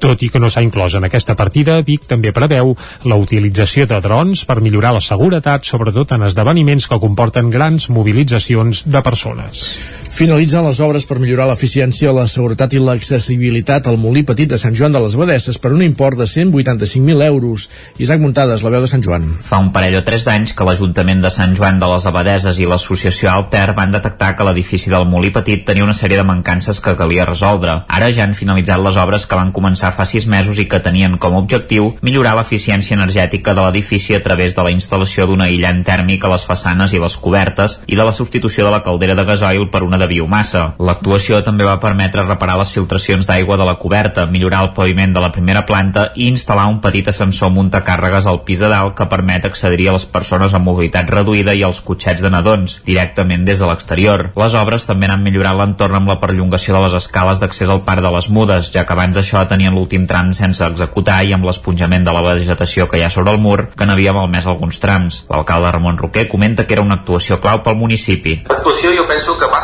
necessària, era molt important fer-la, perquè el molí petit, el municipi, s'ha convertit en un edifici important, amb un servei que es dona a través de la social verd i tant, ja no només per al casal d'estiu, sinó per tota la feina que l'entitat fa durant tot l'any, des del propi molí petit, i per la comarca, que en aquests moments doncs, és una entitat que està treballant per tota la comarca, i per tant aquest, aquest espai, aquest edifici, havia de tenir les condicions d'eficiència, d'accessibilitat, estructurals perfectament resoltes, i per tant amb una llicència d'activitats ajustada en, aquest, en, en l'actualitat. Les obres al Molí Petit han tingut un cost d'una mica més de 185.000 euros, la meitat dels quals han estat finançats per un fons FEDER, mentre que l'altra meitat ha estat sufragada per la Diputació de Girona i el consistori a parts iguals, una aportació d'uns 46.300 euros cadascun. Una altra actuació paral·lela que s'ha pogut fer és la de recuperar els darrers 50 metres del canal de la Bassa per fer arribar aigua a través d'una canonada per tal que el molí pugui recuperar el tram final com a patrimoni històric i amb finalitats divulgatives a la vegada que s'assegura l'arribada d'aigua, que també és imprescindible per conservar la biodiversitat i l'ecosistema de la bassa. Després de recuperar la bassa i el mecanisme de molta en els darrers anys, l'únic obstacle que quedava per habilitar del tot el molí amb finalitats educatives era assegurar la captació d'aigua, ja que des de principis de la dècada dels anys 70 el canal que duia l'aigua des de l'anomenat Gord del Gall de la Riera de l'Arsamala a uns 400 metres riera amunt va quedar inutilitzat a conseqüència d'una esllavissada. Als anys posteriors, el recorregut del canal també es va veure afectat per la via verda i per la terra que hi ha caigut durant els últims 50 anys i la vegetació que hi ha crescut. La inauguració de les actuacions es farà aquest dissabte al migdia i comptarà amb la diputada de programes europeus de la Diputació de Girona, Montse Mindan.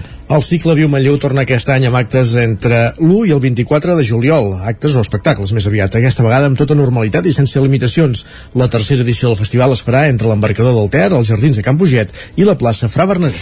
Després de dos anys en pandèmia, torna el Viu Manlleu en versió original, aquesta vegada mostrant cares i somriures. El festival es planteja amb tota normalitat, sense limitacions d'aforament ni distàncies de seguretat. Així ho va remarcar la regidora de Cultura de l'Ajuntament de Manlleu, Eva Font, durant la presentació de l'esdeveniment. Volem que a través de la música puguem expressar-nos tal com som i animem a tothom a venir a mostrar-se això, no?, en versió original que estigui obert a tothom i que tothom pugui venir. El festival se celebrarà des de l'1 de juliol fins al dia 24. Els dissabtes, a les 9 del vespre, hi haurà concerts als jardins de Can Puget. A dos quarts d'onze de la nit, els dissabtes també hi haurà activitats a la plaça Fra Bernadí i els diumenges, a les 12 del migdia, a l'hora del vermut, hi haurà activitat a l'embarcador del Ter. Viu Manlleu vol transmetre la diversitat i riquesa que té culturalment Manlleu. És per això que hi haurà gran varietat d'activitats culturals. Tots, tots els actes seran gratuïts, amb l'excepció només d'alguns concerts que es faran a Can Puget. Pel que fa a noms propis, destaquen artistes com Tarquim, Menta, Eduard Gené, Ginestar, Pelat i Pelut, aquí hem escoltat avui, segur que hi serà i faran sonar la cançó En Flipa, o també hi haurà el flamenc d'Alba Carmona, entre d'altres. I dilluns, coincidint amb el Dia Mundial de les Persones Refugiades, es va presentar a Cardedeu la campanya Siguem Refugi, amb la lectura del manifest del Dia Mundial dels Refugiats i la lectura dramatitzada de textos per part d'Art Escena Social. Núria Lázaro, Ràdio Televisió, Cardedeu. Més d'una vintena de municipis de Catalunya, d'entre els quals Cardedeu, s'ha sumat a la campanya Siguem Refugi, coordinada pel Fons Català de Cooperació al Desenvolupament. Coincidint amb el Dia Mundial de les Persones Refugiades, la plaça Sant Joan acollia l'acte de sensibilització que ha inclòs la presentació de la campanya Siguem Refugi, la lectura del manifest i una lectura dramatitzada de l'obra Lampedusa Beach a càrrec de l'Olga Vinyals, Huc Luquetti, regidor de l'Ajuntament de Cardedeu. Doncs aprofitar aquest dia internacional doncs, per denunciar la situació als camps de refugiats i també la necessitat de vies segures doncs, perquè les persones no morin en l'intent doncs, d'arribar a altres països per, per construir una vida millor. Les exposicions s'endinsen en la realitat de 10 campaments de persones refugiades distribuïts en diferents indrets del món per apropar la ciutadania unes pinzellades de les condicions de vida de les persones que els habiten i la vulneració de drets humans que pateixen dia a dia. A Cardedeu la podrem tornar a veure en esdeveniments com la Fira Ecosolidària i també l'Ajuntament la posarà a disposició de les entitats i centres educatius del poble. Gràcies, Núria. Amb aquesta informació acabem aquest repàs informatiu que començàvem a les 10 en companyia de, com sentíem ara, de la Núria Lázaro, però també de Gemma Permanyer, Jordi Sunyer i Isaac Muntades. Moment al territori 17 de conèixer la previsió del temps. Casa Terradellos us ofereix el temps. Doncs vinga, per saber la previsió meteorològica el que hem de fer és parlar amb en Pep Acosta. A primera hora ja ens ha avançat que avui han regat el territori 17 eh, i això és una molt bona notícia. No sabem si continuarà o no és a dir, hi haurà tempestes aquesta tarda. Ens ho aclarirà de seguida en Pep. Aquí ja saludem, Pep, bon dia. Hola, molt bon dia. Molt bona hora. Uh, per fi uh, ahir la tarda, vespre, nit uh, va ploure. Va ploure gairebé a les poblacions a les comarques.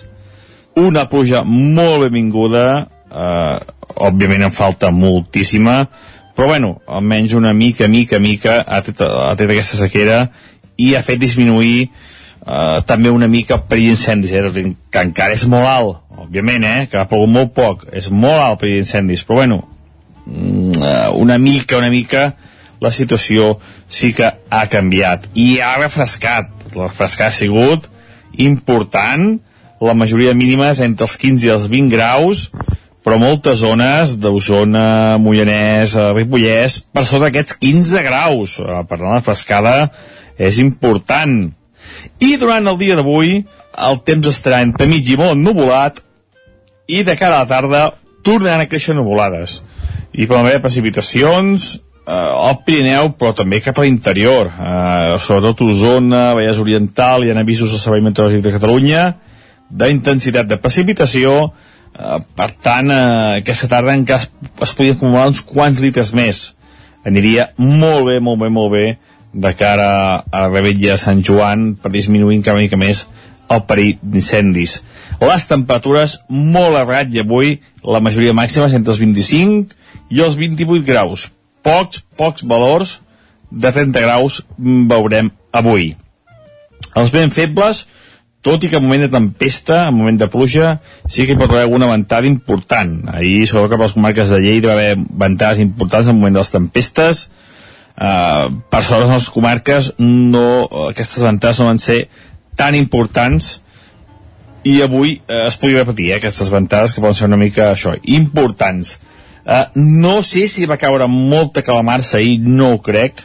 Avui localment alguna tempesta en calamarsa podia, podia caure també però esperem que no perquè això eh, sí que faria mica mal als cultius.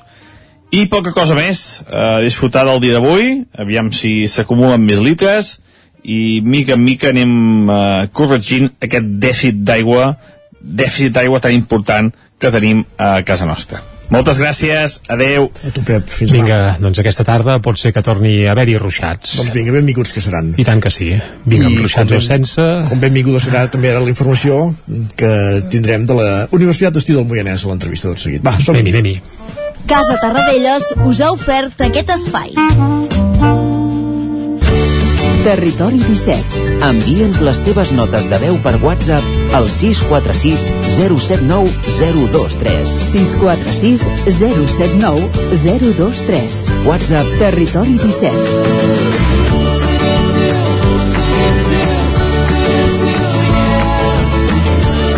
Territori 17. Som a Facebook, Twitter i Instagram amb l'usuari Territori 17.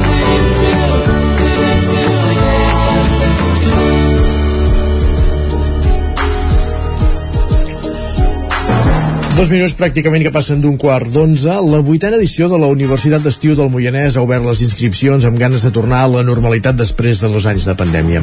Gràcies al suport del Consell Comarcal del Moianès i la Universitat Ramon Llull es du a terme aquesta activitat.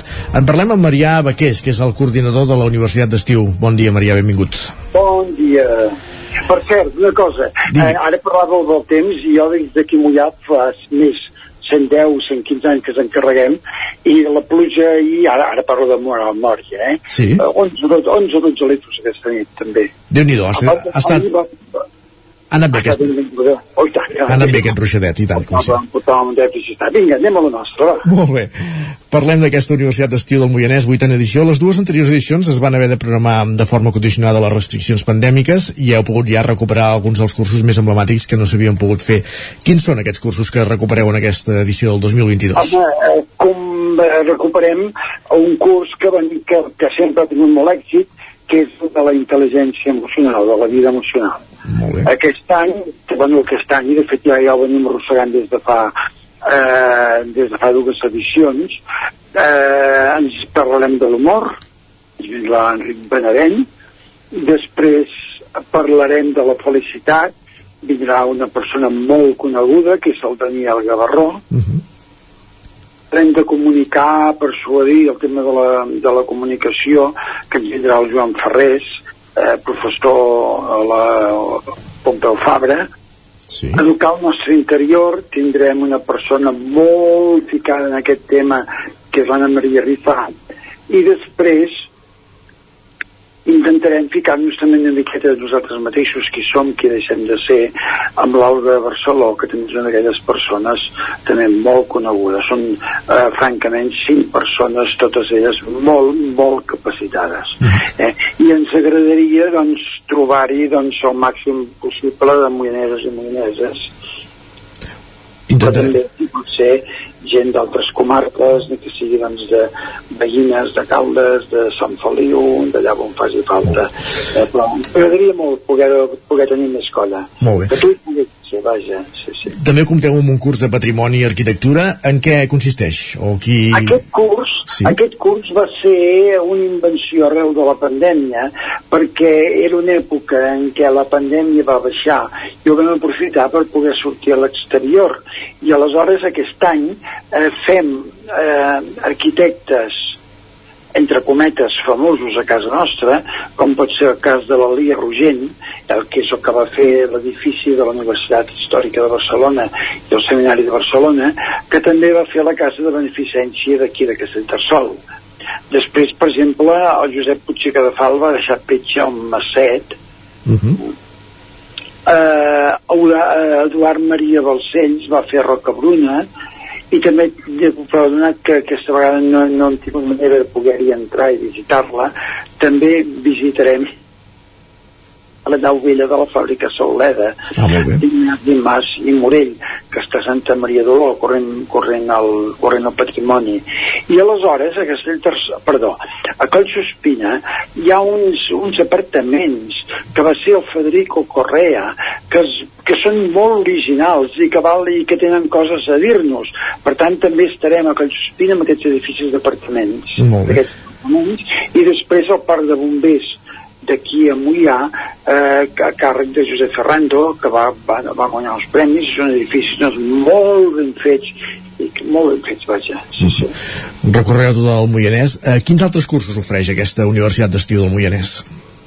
La segona setmana eh, els matins ens vindrà una persona molt coneguda i molt valorada al Moianès com és la Marina Verdolet uh -huh. que ens Verdalet, perdó, que ens parlarà del taller d'expressió artística d'arts plàstiques eh?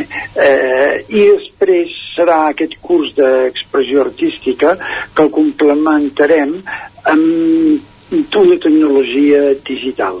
Treballarem després amb el mòbil per poder eh, optimitzar-lo al màxim possible.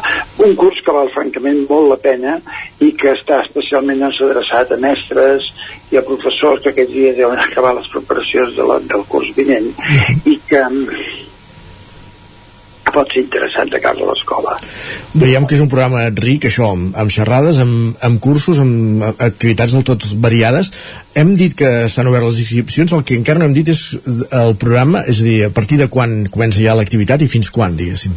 A veure, comencem la, comencem el dilluns dia 4 sí. amb aquests cursos de patrimoni històric i eines de millora de la vida emocional.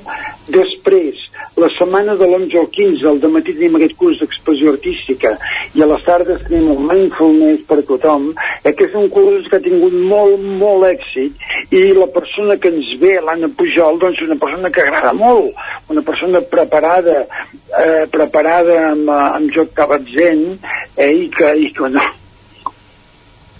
que francament ho fa molt bé. L'any passat aquest curs el vam fer en plena natura, el vam fer a la Torre de Casanova i aquest any ens el tornem a fer amb un, amb un, a, dins, a dins la població el tornem a fer. Que val molt, molt la pena. Ah, i espero, encara ens falta dir una cosa eh, que és que el dilluns 11 al parc tenim ni més ni menys que el Joan Pere eh, i que la Griselda Lliteres, una col·lega vostra, sí. doncs l'entrevistarà, eh, serà a les 7 de la tarda, i que, i que bueno, em sembla que es fa molta, molta, molta il·lusió poder portar aquesta experiència de vida des de l'humor. Eh? Jo, jo també afegiria des de la mort i des de la mort, eh? perquè és una persona prou coneguda a casa nostra com per perquè puguem aprendre molt de la seva vida. Uh -huh. sí, sí, sí. I quan s'acaba eh, el programa?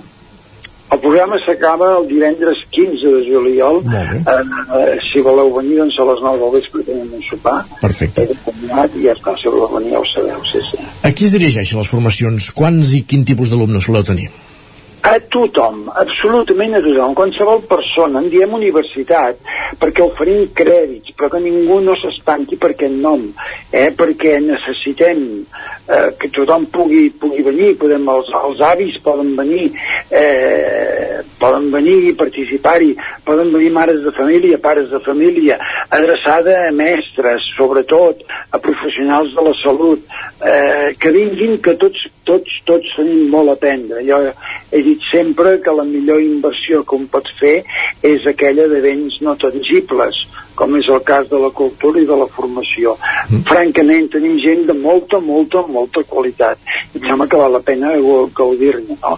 Ja que normalment doncs, no ens podem, la gent de, de comarques de la Catalunya central ens hem de desplaçar per anar a la universitat, doncs que aquesta vegada vingui la universitat a casa nostra, em sembla que és una ocasió que podem, que podem aprofitar al màxim, sembla que val la pena. I tant, sí.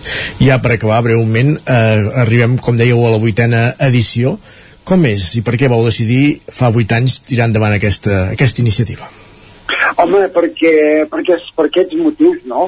Val la pena obrir tot el que sigui cultura, tot el que sigui formació, tot el que sigui benésser, benestar, benésser, obrir-ho a tothom i que poder, poder aprendre i que les eines que altres eh, persones eh, poden fluir en ciutats amb més número de persones, d'habitants, doncs també les tinguem nosaltres, la gent de, de població. Aquí tenim la, la sort de viure en poblacions més petites, com és el cas de Mollà. Sí, sí. Doncs, com dèiem, del 4 al 15 de juliol, vuitena edició de la Universitat d'Estiu de, del Moianès. Per, per, sí, sí, per apuntar-se eh, directament eh, poden anar a Can Carner, aquí a Mollà, o si no, doncs adreçar-se eh, al Consell Comarcal del Moianès, cercar l'adreça i allà doncs pot, eh, si pot, eh, si podeu accedir directament per internet, senyor Trucanti, ja està. Trucanti al 93 repeteixo, eh, 93 830 14 18 Perfecte, queda apuntat. 93 830 14 18. Sí, sí. Marià Baqués, coordinador de la Universitat d'Estiu del Moianès, gràcies per atendre'ns. moltes gràcies de la trucada i de que ens interessa sobretot que vinguin alumnes perquè nosaltres ens subvencionem amb, cos, amb la poca cosa que els alumnes aporten i aleshores, esclar, necessitem doncs, com a mínim cobrir despeses. Eh, perquè... És obvi, sí, sí. La crida està feta. Moltes gràcies i bona Gràcies, sort amb aquesta iniciativa. Bon dia. Doncs, com sentíem, era Maria Baqués, el coordinador d'aquesta Universitat d'Estiu del Moianès, que arrenca el 4 de juliol fins al dia 15, dues setmanes intenses d'activitats, com bé ens explicava, i entre els quals aquesta, aquesta, aquest diàleg entre la periodista Griselda Guiteres i, i l'humorista, l'actor Joan Pera, el dia 11 de juliol, entre moltes altres coses que ens ha destacat del seu programa, com dèiem, Maria Baqués, coordinador de la Universitat d'Estiu del Moianès, amb qui hem conversat avui a l'entrevista del Territori 17. Nosaltres tot seguit el que fem és una petita pausa per la publicitat, res, seran 3 minutets i tornem de seguida, perquè ja ens esperen Guillem Sánchez amb una llista àmplia de, de piolades, de tuits que ha tret de Twitter, valgui la redundància. El nou FM, la ràdio de casa, al 92.8. Cobertes serveis funeraris. Els nostres tanatoris estan ubicats en els nuclis urbans més poblats de la comarca d'Osona per oferir un millor servei. Tanatori de Vic, Tanatori de Manlleu, Tanatori de Centelles i Tanatori de Roda de Ter. Sabem que són moments difícils i per això el nostre compromís és atendre-us en tot moment amb un tracte humà, sensible i respectuós. Cobertes serveis funeraris. Telèfon 24 hores 93 883 23 46. Si tens pensat canviar la caldera o posar aire condicionat, posa't en mans a Pradell. Tenen les millors ofertes. Pradell instal·la calderes de biomassa, calderes de condensació, aire condicionat tant per a particulars com per a empreses. Apunta, Pradell, Avinguda Països Catalans, número 27 de Vic. Telèfon 93 885 11 97. Repetim, 93 885 11 97. Notícia d'última hora. Nou rècord al llibre Guinness. Els alumnes d'Autoescola Rosanes s'han tret la teòrica en un temps rècord. Teòric Express a Rosanes. Mètode exclusiu, ràpid, eficaç i únic. Saps quan comences i quan aproves. Teòric Express és un sistema exclusiu d'Autoescola Rosanes. Sigues llest, et trauràs la teòrica en una setmana. Autoescola Rosanes, carrer Manlleu de Vic i Enric de l'Aris de Manlleu. Més info a autoescolarosanes.com Nova promoció de Teòric Express. Aquest estiu, Autoescola Rosanes. Autoscola Rosanes us desitja una bona rebella de Sant Joan. A Bailen sabem que quan té una avaria a la seva caldera vol una solució ràpida. Truqui al servei tècnic oficial Bailen i els nostres tècnics vindran ràpidament a solucionar-li el problema. A més, si canvieu ara la caldera, us regalem fins a 300 euros. Truqueu al 910 77 88 77 o entreu a bailan.es. Aquest és un missatge per a inconformistes. Vols una cuina que segueixi les darreres tendències? No, vull una cuina per mi. La tenim. Diferent perquè és per vostè. Funcional, eficient, molt atractiva, innovadora. Fem el projecte integral. A més, aquest 2022 celebrem el nostre 175è aniversari convidant-los a un sopar d'estrella Michelin a la Costa Brava. Informi-se'n a la nostra botiga de la carretera nacional 2 de Sils o a botinyà.com. Mobles Botinyà us desitja una bona rebella de Sant Joan. Cocodril Club. Si t'agrada la bona música dels anys 60, 70 i 80, escolta el 9 FM als matins de dissabtes i diumenges d'11 a 1. És el temps del Cocodril Club, tot un clàssic de la ràdio, amb les bases del pop-rock, les llegendes, les cançons que s'han convertit en autèntics himnes. Recorda, dissabtes i diumenges al matí, d'11 a 1, al 9 FM 92.8. Cocodril Club, el programa revival de l'Albert Malla. Hasta luego, cocodrilo. El 9 FM, el 9 FM, el 9 FM. En punt, dos quarts d'onze al territori 17.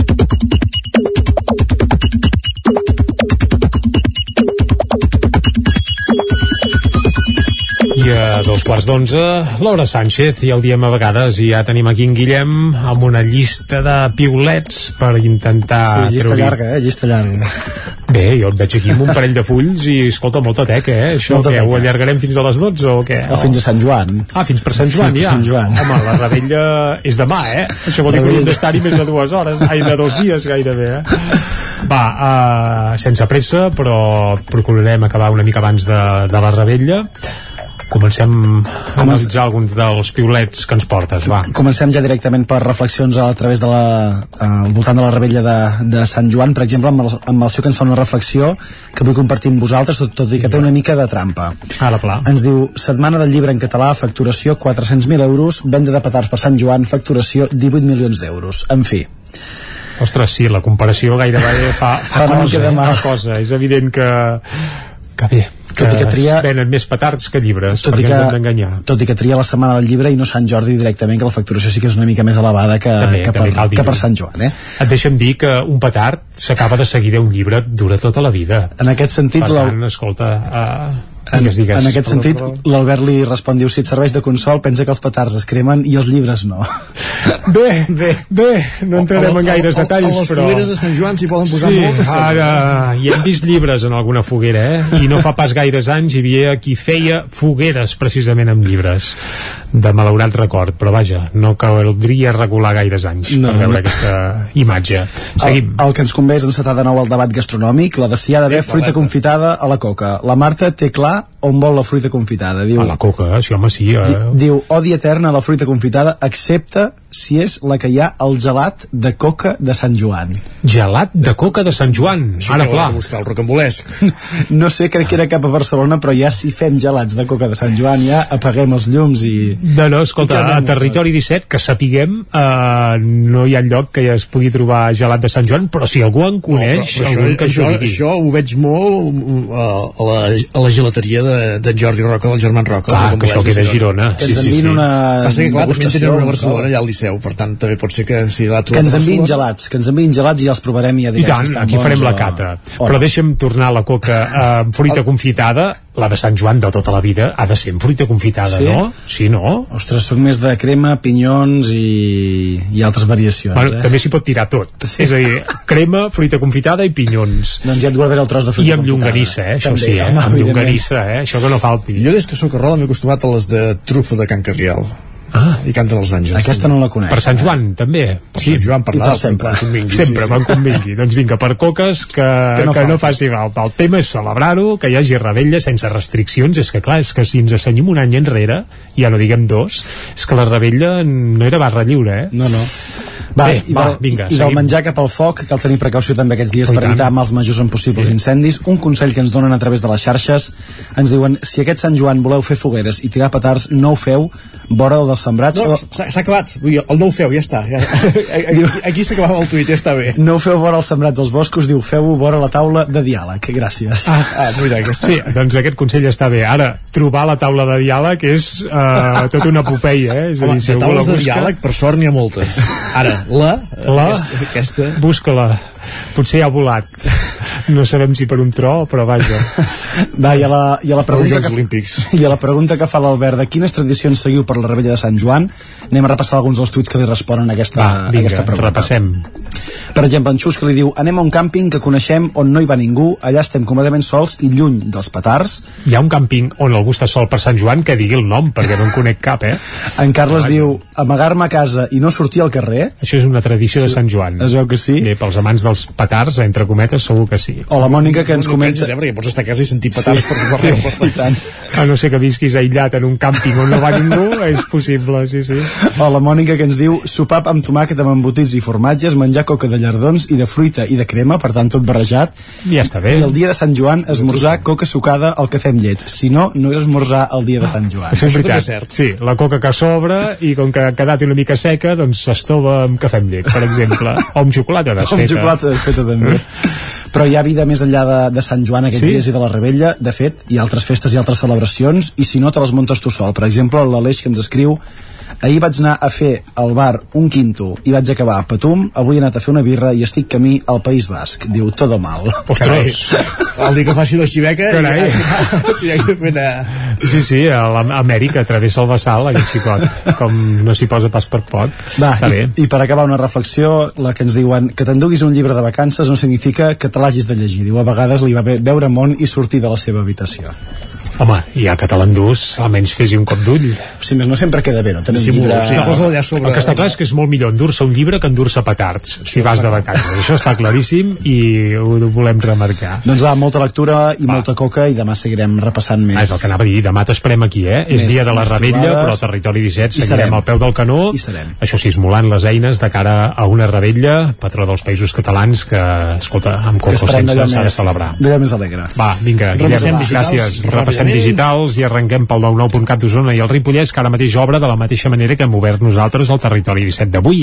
I és amb aquest incendi que hi ha hagut a la fàbrica Monells de Sant Hipòlit de Voltregà. Masies, Ah, Masies. ah, val, doncs uh, terme municipal de Masies, si és que Sant Hipòlit té un terme tan minúscul que tot el que hi ha al seu voltant ja pràcticament és de Masies, i bé, cal dir que l'incendi ja, ja s'ha apagat, no hi ha hagut ferits, i uh, ha destruït la planta superior de la fàbrica d'embotits Monells eh, aquest incendi que s'ha declarat aquesta matinada a Masies de Voltregà, no pas a Sant Hipòlit. Aquesta és la informació principal que hi apareix. També tres incendis de vegetació a Sant Pere, Perafita i Sant Hipòlit, també afortunadament sense danys. I Camp de Bànol mira cap al centenari, en aquest cas el seu club de bàsquet, del qual ja n'hem parlat, que celebra 100 anys. 50. No, Ai, 50. 50, 50, sí. eh, D'aquí 50 en farà 100. Ara, però ara en fa 50, correcte. Va, més coses. Anem cap al 99 del Vallès Oriental, al 99.cat, que ara mateix obre explicant que entra en vigor el canvi de l'ordenança de Granollers que només permet circular els patinets per la calçada. Si enganxa un patinet per la vorera, doncs serà multat. Multa car. Més feina pel Multa car, co- correcte, va. Anna Vallbona, eh, eh, bé, antiga periodista del Vallès Oriental del 99 i serà convidada a la Fira del Llibre de Frankfurt. Això apareix al 99 del Vallès Oriental i també malestar a Martorelles pel retard en l'obra de l'itinerari de vianants de Can Puig. Dit per variar, una obra que va amb retard. Com no. Dit això, anem cap a la taula de redacció. anem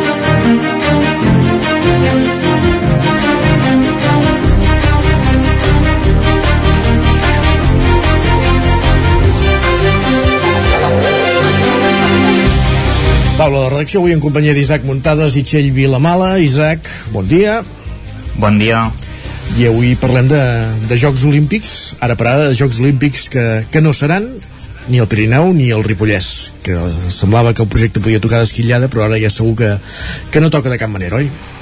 Exacte, uh, sí que és veritat que pel 2034 si finalment uh, s'acaba presentant algun tipus de candidatures com que se suposa que seria només catalana potser llavors sí que, que tocaria però en principi de moment L'Ambani anunciava que em presentarà de hack, eh, pel 34 també. Sí, sí, sí, per això, per això, que si llavors hi ha una baralla Com aquí... si no hagi dit que no cinc vegades, ja, però vaja. Exacte. Sí, sí, doncs això, ahir es va saber el que era un secret de veus. Ja feia dies que rumorejava que el president del COE, Alejandro Blanco, del Comitè Olímpic Espanyol, doncs eh, compareixeria per explicar que, que es posava data de caducitat doncs, aquesta candidatura, que, que es retirava definitivament, perquè no s'havia arribat a un acord, eh, no tant per la part tècnica, que efectivament sí que s'havia arribat a, a un acord, sinó per la part política, i ahir ho va confirmar, eh? va explicar doncs, que la candidatura quedava liquidada, que era impossible, que no es podia materialitzar, i això sí, com deia, deixava la porta oberta doncs, a que qui volgués uh, per a l'any 2034 queda molt, si, si ja no sabem com estaran els Pirineus, si hi haurà neu al 2030, imagineu-vos el 2034 doncs, uh, però deixava la porta oberta uh, a que es poguessin presentar candidatures llavors, però en aquest cas, com que la candidatura en principi havia de ser conjunta, doncs no, no, no era possible. Uh, en la seva compareixença, Alejandro Blanco sí que va deixar anar algunes uh, per alguns darts a, a l'Aragó i, i dient, doncs, home, doncs, que una mica s'havia desmarcat, sobretot per al tema de que deia que no era una candidatura, el president de l'Aragó, Javier Lamán, deia que no era una candidatura, eh, per dir-ho d'alguna manera, que estava igualada, que era igualitària i que Catalunya se'n beneficiava més, doncs eh, aquí va posar algunes dades sobre la taula que són bastant interessants, que és que Aragó, per exemple, tenia 54 proves i Catalunya 42, és a dir, tenia més, més proves Aragó, certament Catalunya tenia més esportistes olímpics que, que participarien perquè en les proves que tenia doncs hi participaven més gent però la diferència estava en unes 100, 200 esportistes uns 2.000 per cada 2.000 i, i pocs per cada banda. Vull dir que realment eh, una situació bastant curiosa. I, i bé, doncs deixant també entreveure que Javier Lamman i no es va voler reunir en el seu moment que després de que s'arribés un acord tres dies després ell es va desmarcar amb un missatge dient que no estava d'acord amb els jocs coses que ja sabem, eh, realment, que ja, ja s'ha anat explicant una mica i, i bé, de moment no hi haurà Jocs Olímpics a, al Pirineu. En teoria de, suposem que la consulta que s'havia de fer el juliol, que es va ajornar cap al, a la tardor doncs no es farà evidentment, eh, o no s'hauria de fer.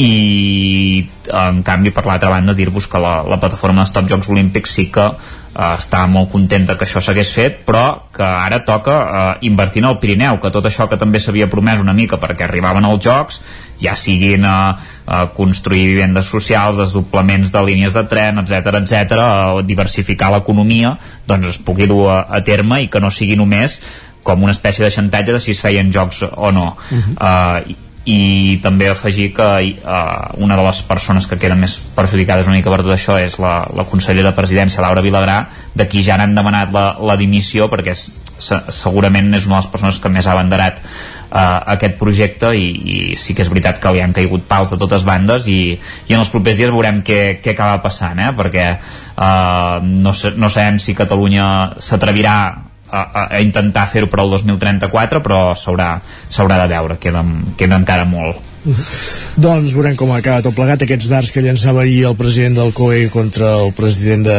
de l'Aragó per haver-se desmarcat de la candidatura que havien pactat inicialment a nivell tècnic les dues eh, administracions, Generalitat i Govern d'Aragó, però al final que no, que no va tirar endavant i que no s'ha materialitzat i que al final no hi haurà candidatura espanyola pels Jocs Olímpics d'hivern del 2030 al Pirineu. Gràcies Isaac, no marxis gaire lluny que de fet recuperem d'aquí dos minuts el Lletra Ferits som-hi, sí. Fins ara. Continuem però a la taula de redacció i com dèiem ara en companyia de la Txell Vilamala. Txell, bon dia. Bon dia. Que ahir no tenia res millor a fer al vespre que te'n vas anar de ple a l'Ajuntament de Manlleu. No Exacte. de salt de plens a la Patum, sinó de ple a l'Ajuntament de Manlleu. Exacte. Un... Va ser més calmat que el de fa un mes? Un ple molt més calmat que el de fa un mes, que recordem que va ser polèmic per, per el to i la quantitat de persones que hi havia de la plataforma en pro de la seguretat i el civisme a Manlleu. Aquesta vegada molt més tranquils, tot i que la seguretat va tornar a ser el tema del ple, perquè precisament en la sessió ordinària del mes passat justament pel rebombori que hi va haver no es va acabar donant veu als membres d'aquest col·lectiu i ahir sí que havien diguem seguit el reglament que toca havien entrat la moció, l'havien presentat als grups, l'havien negociat i ahir sí que se'n va parlar al ple de Manlleu i de fet el text que presentava la plataforma va prosperar amb totes les esmenes que hi han pogut fer la majoria de grups municipals, tot i que les de la CUP per exemple el col·lectiu no les va estimar i han passat a formar part del text motiu pel qual aquest grup de fet uh, va votar en contra de la moció. Uh, a grans trets el que demana el text és que hi hagi més mesures per la seguretat a Manlleu i això a hores d'ara vol dir més policia. Uh, la plataforma reclama més efectius dels Mossos a la ciutat i també que la nova comissaria de la policia local que s'ha de construir uh, doncs d'aquí poc, les obres han de començar d'aquí poc a l'Avinguda Puigmal pugui ser compartida amb efectius dels Mossos d'Esquadra com per exemple passa a la comarca veïna del Moianès, a, a, a Moià. Això eh, també ho va demanar el Partit Socialista, llavors ho va veure amb bons ulls l'equip de govern i és un tema que es posarà sobre la taula la setmana que ve en una junta local de seguretat a la qual, segons va dir el, el regidor de l'àrea, el senyor Arnau Rovira, hi participarà també el conseller d'Interior, Joan Ignasi Helena. Per tant, és una de les coses que volen eh, portar debat i, de fet, tampoc no és una novetat, perquè quan el PSC formava part de l'equip de govern el mandat passat i es projectava la comissaria de la policia local al Puquí, ja es parlava de que pogués ser una comissaria compartida amb els Mossos i que d'aquesta manera la Generalitat també pagués una part de l'estructura. Per tant, en certa manera recupera aquesta idea per part de l'Ajuntament, veurem aviam com s'hi posa el govern català i si efectivament això pot anar endavant. Uh Mhm. -huh. Llavors, en el debat sobre la seguretat hi va haver intercanvis d'opinions. Uh, D'una banda, el PSC i l'equip de govern potser estan més alineats en què calen mesures contundents, mesures d'impacte uh, a curt termini, com demana la plataforma. La CUP posava més èmfasi uh, en una feina quirúrgica de temps, de- d'educadors de, de carrer, uh, de millorar pel que fa a drets de les persones, de garantir habitatge per tothom i que això vagi calant com una pluja fina eh, que en certa manera doncs, dongui oportunitats a la gent que ara està delinquint a Manlleu i que recordem que d'aquest perfil de delinqüent reincident eh, que és el que sovint acostuma a protagonitzar diversos dels delictes. Per tant, diferents maneres d'abordar la problemàtica uh, la CUP va defensar aquesta idea diem nosaltres més aviat de pluja fina uh, la plataforma vol mesures d'impacte, mesures contundents i l'equip de govern i el PSC sembla que estan alineats eh, entre mig, no? Entre mig. A, a, a poder fer Equilibris. el, a- exacte, exacte, seria la paraula Isaac, a poder fer equilibris. Aquest va ser el tema del ple, el anirem seguint, veurem aviam què diu la setmana que ve el conseller Helena. Llavors també hi va haver uh, un altre tema destacat justament en l'apartat d'emocions i és que en Comú Podem, que recordem que ara no té representació al consistori, tot i que històricament iniciativa sí que havia tingut pes a l'Ajuntament de Manlleu, uh, portava una moció sobre els habitatges socials de l'Incasal a la plaça de Llevant Vilamontà, que recordem que són els habitatges que es van construir uh, fa 10 anys, el temps passa molt ràpid, uh, per reallotjar els primers veïns que es va desallotjar de, de Can Garcia, dels pisos de Can Garcia. Aquests habitatges han tingut problemes des del primer moment, el 9-9 ens n'hem anat fent ressò, humitats estructurals, els tancaments deficients, materials de poca qualitat, goteres, les canaleres en mal estat, hi va haver també esfondraments dels terrats, uh, bé, un compendi de males circumstàncies que de fet són conegudes eh, també per al mateix Ajuntament de Manlleu i ahir en Comú Podem doncs, ho entrava al ple amb una moció eh, que el que demana és que es faci un peritatge auditoria per part dels serveis tècnics municipals que eh, efectivament es posi els punts sobre les is de per què hi ha aquesta situació estructural en aquests habitatges i que després es pugui exigir tant a l'Agència de l'Habitatge de Catalunya com a l'Incasol doncs, un pla de treball per resoldre definitivament aquestes deficiències estructurals. La moció també va tirar endavant eh, amb l'aprovació diria per unanimitat de tots els grups, em penso que no m'equivoco, eh, i es va dir que això que es traslladarà aquesta petició al govern de la Generalitat. Hi va haver altres temes puntuals a l'ordre del dia i a pregs i preguntes recurrents eh, com el de l'aigua i la fiscalització de Sorea. També es va parlar, per exemple, d'ensenyament, però diríem això, que seguretat i habitatge van copar la major part del ple de Manlleu d'aquest eh, dimarts. Perfectíssim, doncs gràcies pel resum, molt eh, Txell. Gràcies, bon dia. Bon dia. Nosaltres avancem al territori 17 de la taula de redacció, anem cap al Lletra Ferits a parlar de, de llibres avui d'una llibreria, un cas curiós, us ho expliquem tot seguit.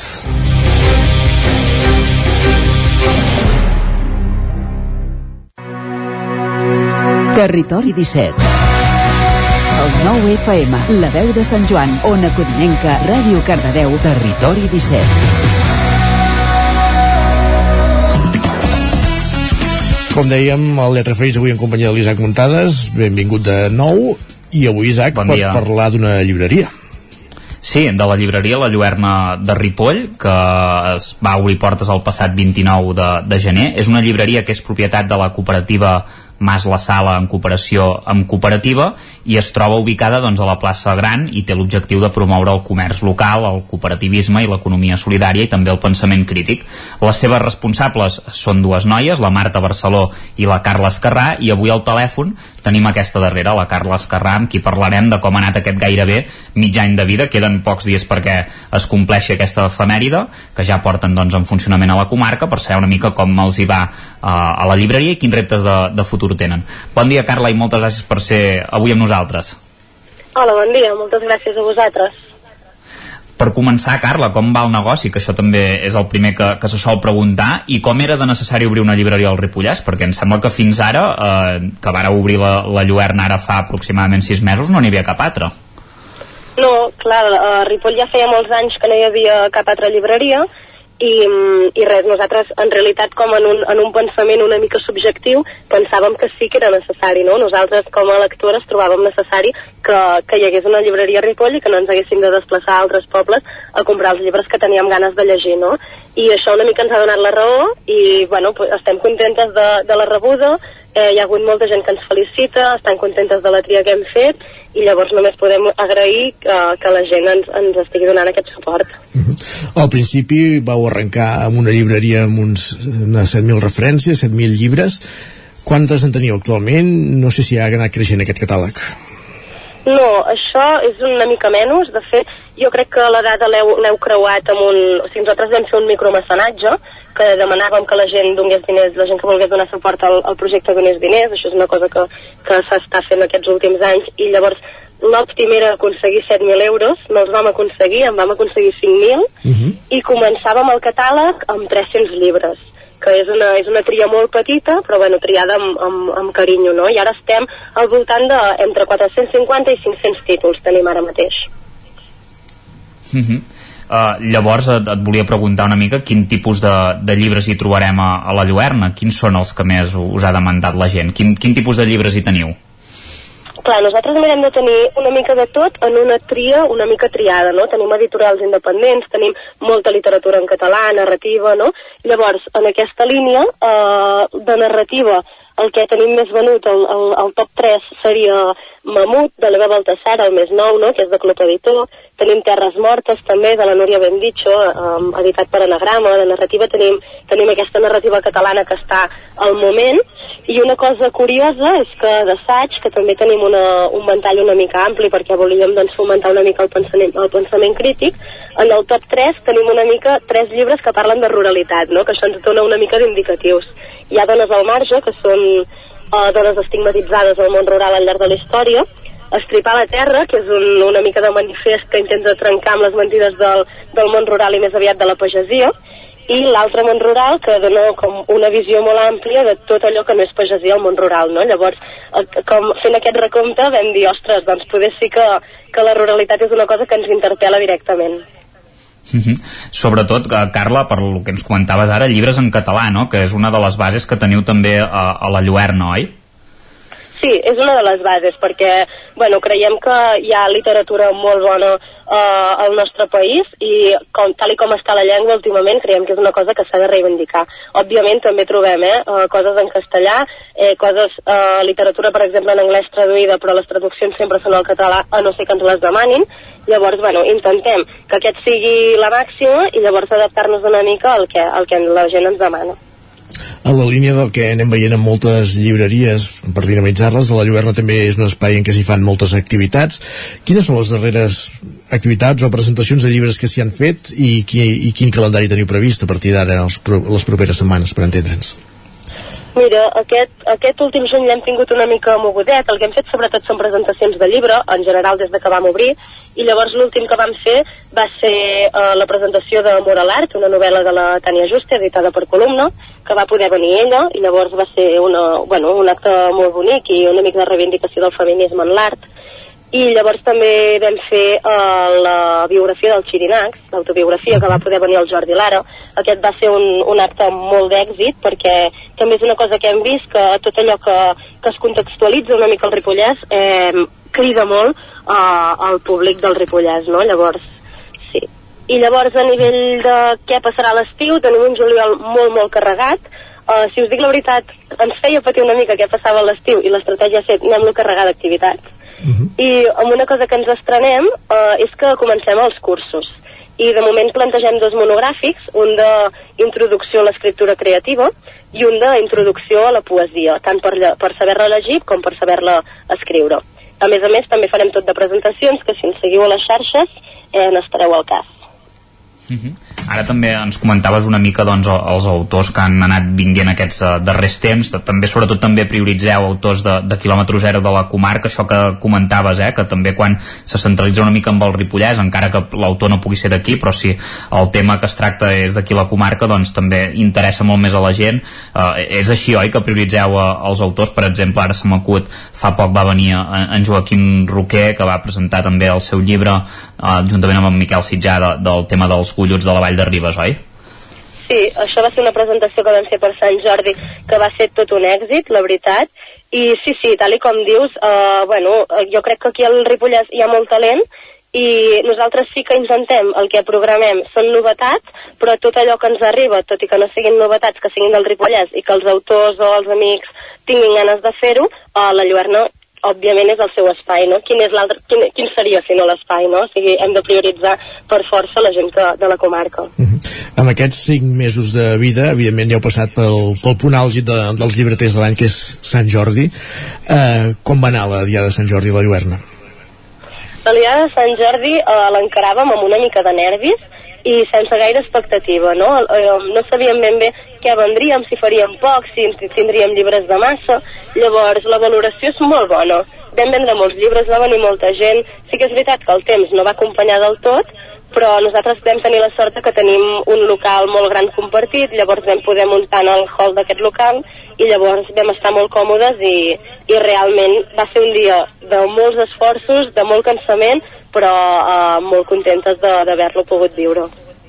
Mm -hmm. Després parlarem d'aquest espai compartit, però abans, eh, quines activitats teniu pels nens a la llibreria? No sé si, si n'hi ha, si el catàleg infantil és prou ampli, per, per què aposteu? Sí, tenim un catàleg infantil bastant ampli i una mica triat sobre les temàtiques que toquen, no?, una miqueta. Llavors, eh, creiem que el catàleg és una cosa que, que tenim treballada. El que no hem treballat tant són les activitats. De fet, només d'activitats per a canalla en vam fer una, eh, també per Sant Jordi justament. No va tenir gaire èxit, eh, era un contes i és una cosa que, que ens hi hem de tornar a pensar. Hem de repensar i hem, i hem de tornar-nos a posar perquè és un públic que tenim ganes d'exprimir de, una miqueta, però la veritat és que no hi hem, no, no hi hem pogut dedicar esforços encara. Mm -hmm la, la llibreria La Lluerna no naixia sola, de fet està allotjada a la cooperativa, que és un, un espai de treball compartit amb altres, amb altres iniciatives. Com us influeix que això, el fet de compartir espai, que estigueu un espai compartit amb altres iniciatives eh, de negoci?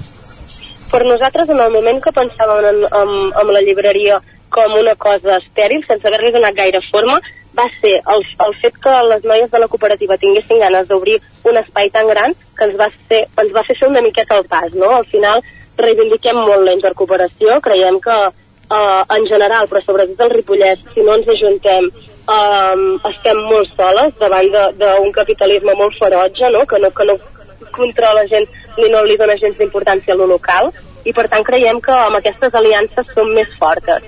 Llavors, en aquest sentit, estem molt contentes de, d'estar en un espai on, on som capaces de compartir diferents projectes. Mm. És clar que n'hem d'aprendre, eh, que ningú ens n'ha ensenyat, però tot i així ens fem pessetes i, i la veritat és que mm, estem, estem satisfetes de com està anant.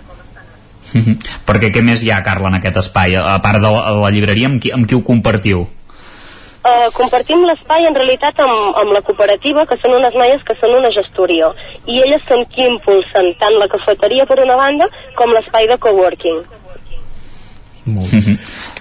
Abans començàvem l'entrevista parlant de, de si hi havia necessitat de, de llibreries al Ripollès perquè no n'hi havia cap quan vau obrir vosaltres ara fa 5 mesos o pel que ens deia s'ha demostrat que sí que, que feia falta és curiós, no? En un moment de, de regressió de, de molts establiments de, de locals comercials i que hi hagi aquest auge a l'entorn dels llibres perquè no és només a Ripoll, que s'ha obert una llibreria que està funcionant, n'hi ha en molts altres llocs, i suposo que en part el fet és part de l'èxit és el que comentàvem abans de, de dinamitzar l'espai, no? No només senyir-nos a vendre llibres, sinó estar al dia, eh, provocar activitats, provocar que vingui gent. Aquesta és part de l'èxit, creus?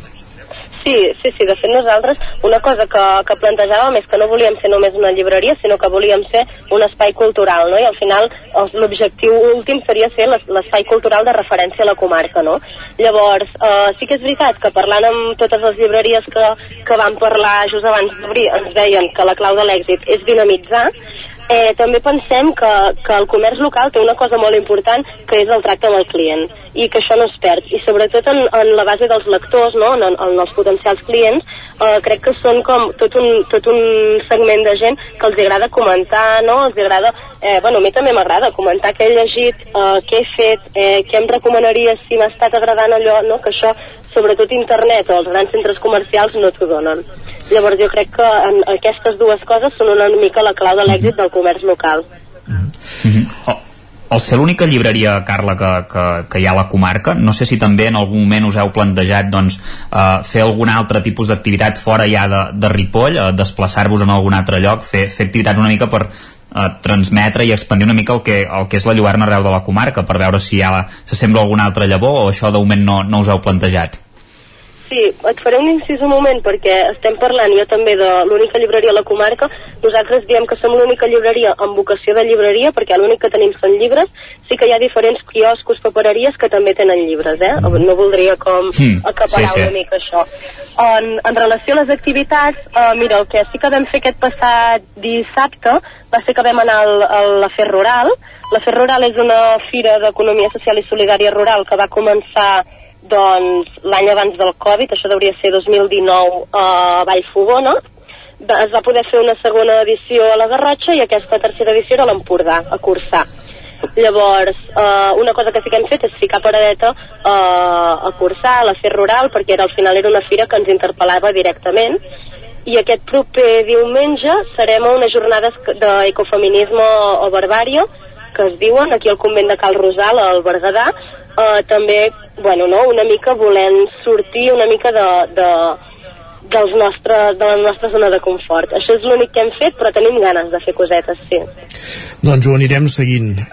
Carla Escarrà, una de les responsables de la llibreria La Lluerna de Ripoll, oberta el passat mes de gener, el dia 29, i que està, com dèiem, funcionant en dansa a la capital del Ripollès. Gràcies per ser avui a, en aquesta secció que dediquem cada setmana als llibres i avui hem volgut fer aquest parèntesi per parlar d'u- d'una llibreria, d'un cas d'èxit, diguem-ho així, d'una llibreria que s'ha que s'ha obert al Ripollès. Gràcies, Carla, i fins aviat. Moltes gràcies a vosaltres. Adeu. Bon dia. Gràcies també, Isaac, per acompanyar-nos en aquesta entrevista, mm, per A secció. Parlem d'aquí una estona. Fins ara. Fins ara. Continuem al territori 17, moment d'actualitzar-nos quan passa un minut de les 11 del matí. Territori 17, amb Isaac Moreno i Jordi Sunyer.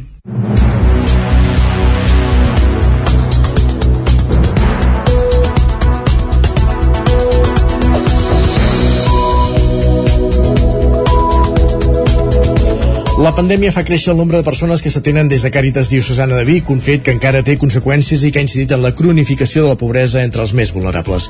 Aquesta és una de les dades que es desprèn de la memòria que l'entitat que també detalla que el 30% dels usuaris són persones en una situació administrativa irregular. Un dels punts positius és que van augmentar el nombre de voluntaris. Una de cada tres persones que va atendre Càritas Diocesana de Vic l'any passat es trobava en situació administrativa irregular, sense autorització de residència. És una de les dades que es desprenen de la memòria anual de l'entitat. Representen el 30% de les 5.148 persones vulnerables que es van atendre durant el 2021, una xifra que encara va augmentar respecte a l'any anterior. Ho detalla el bisbe de Vic, Romà Casanova.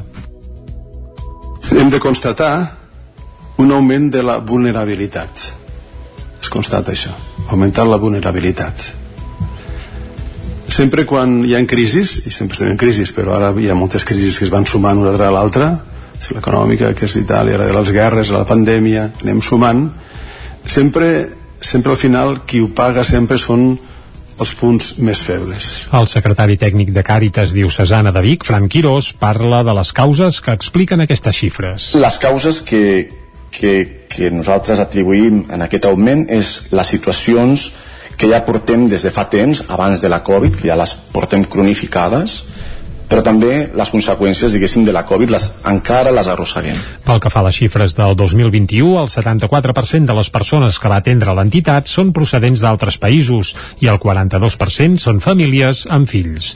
La meitat de les persones que va atendre Càritas a més té problemes d'habitatge. Quirós també ressaltava que el 48% es troben en situació d'atur, però això no vol dir que el restant treballi, sinó que pot ser que no tinguin ni atur ni renda garantida. Fran Quirós. Les polítiques que s'estan duent duen a terme durant aquests últims mesos eh, no ajuden a incentivar gaire diguéssim eh, a donar diguéssim resposta o, o a oferir diguéssim jocs de feina. Això ens preocupa perquè ens està generant que persones que volen accedir al mercat laboral no poden accedir per atendre totes les demandes, Càritas Diocesana de Vic va gestionar un pressupost de 2,4 milions d'euros, uns 300.000 euros més que l'any anterior. La part positiva que recull la memòria és l'augment del número de voluntaris que després del descens per la pandèmia s'ha recuperat. L'Hospital Universitari de Vic amplia l'actual centre de cures intensives. Ahir dimarts es va traslladar a Lúcia a la planta 3.1 on estarà ubicada de manera provisional durant els dos mesos i mig que duraran els treballs de reforma que començaran dilluns de la setmana que ve. La unitat de cures intensives passarà dels 10 dits llits actuals a 12. També s'hi millorarà la climatització, l'accés als boxes amb portes automàtiques i es redissenyaran les zones de control i de treball per fer-les més funcionals pel personal sanitari. També es vol incidir en la humanització dels espais on els pacients acostumen a passar períodes llargs ingressats. També es farà un treball per fer més amable l'ambientació i s'instal·laran nous plafons d'il·luminació desenvolupats per l'empresa Novatilo després de la jornada d'aliances per la innovació que el Consorci Hospital Hospitalari de Vic va organitzar l'any passat. La nova unitat de cures intensives de l'Hospital Universitari de Vic hauria d'estar a punt a mitjans del proper mes de setembre. Junts per Ribes considera que donar els noms a l'oposició de les persones que van fer propostes als pressupostos participatius desvirtua el procés. Anem cap a Ribes de Fresa i Isaac Muntades, la veu de Sant Joan.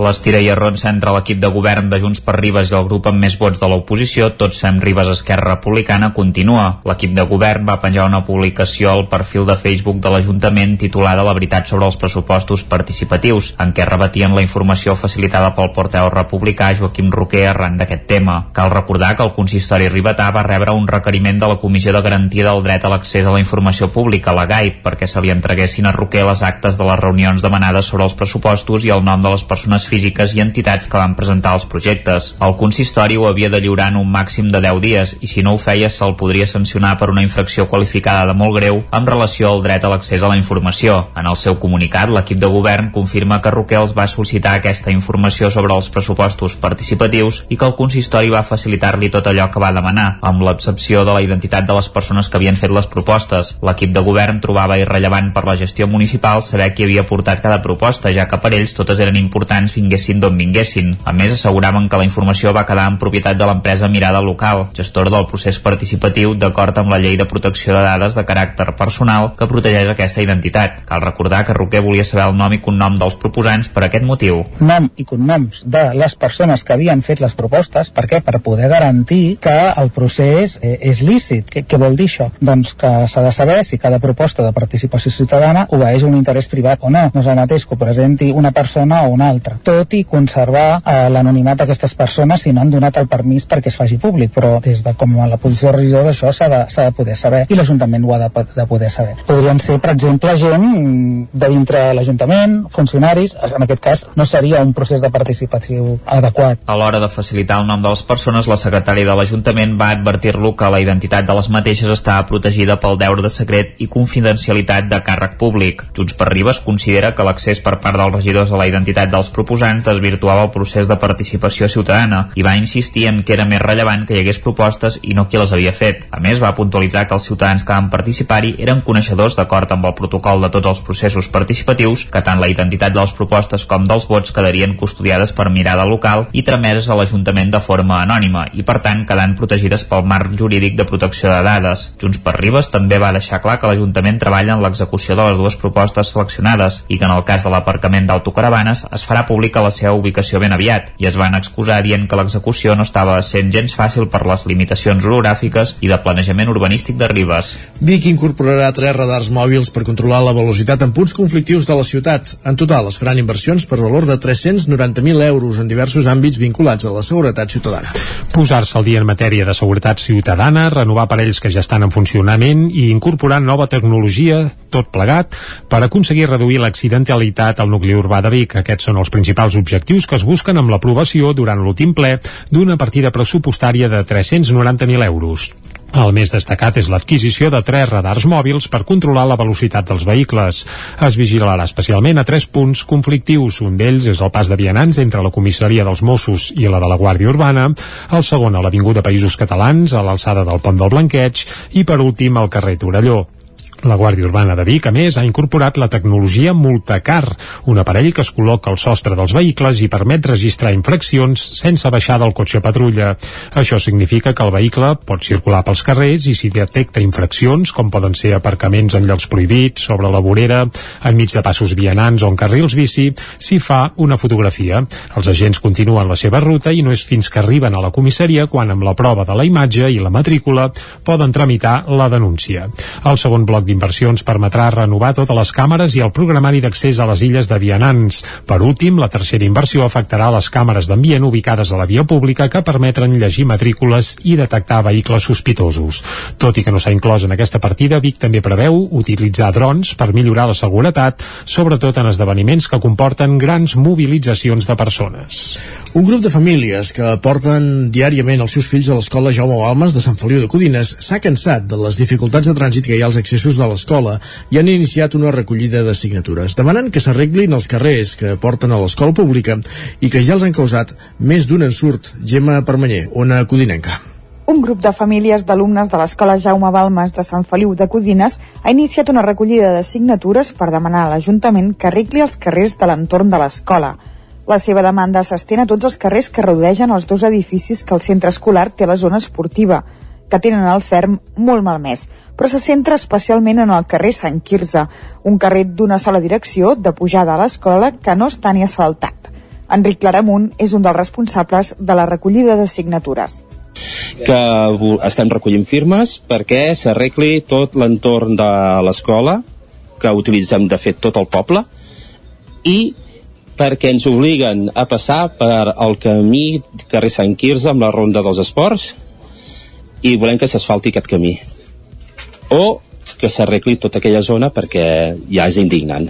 Ens fan passar per aquell camí tots els dies de l'any Claramunt, que té un fill a P3 a l'escola Jaume Balmes, explica que diverses famílies, entre elles la seva, s'han trobat que aquest curs han punxat rodes dels cotxes en passar pel carrer Sant Quirze i afirma que fins i tot una mestra hi va caure. Doncs pols, que se'ns espatllen els cotxes, sobretot pinxassos, i, i simplement això.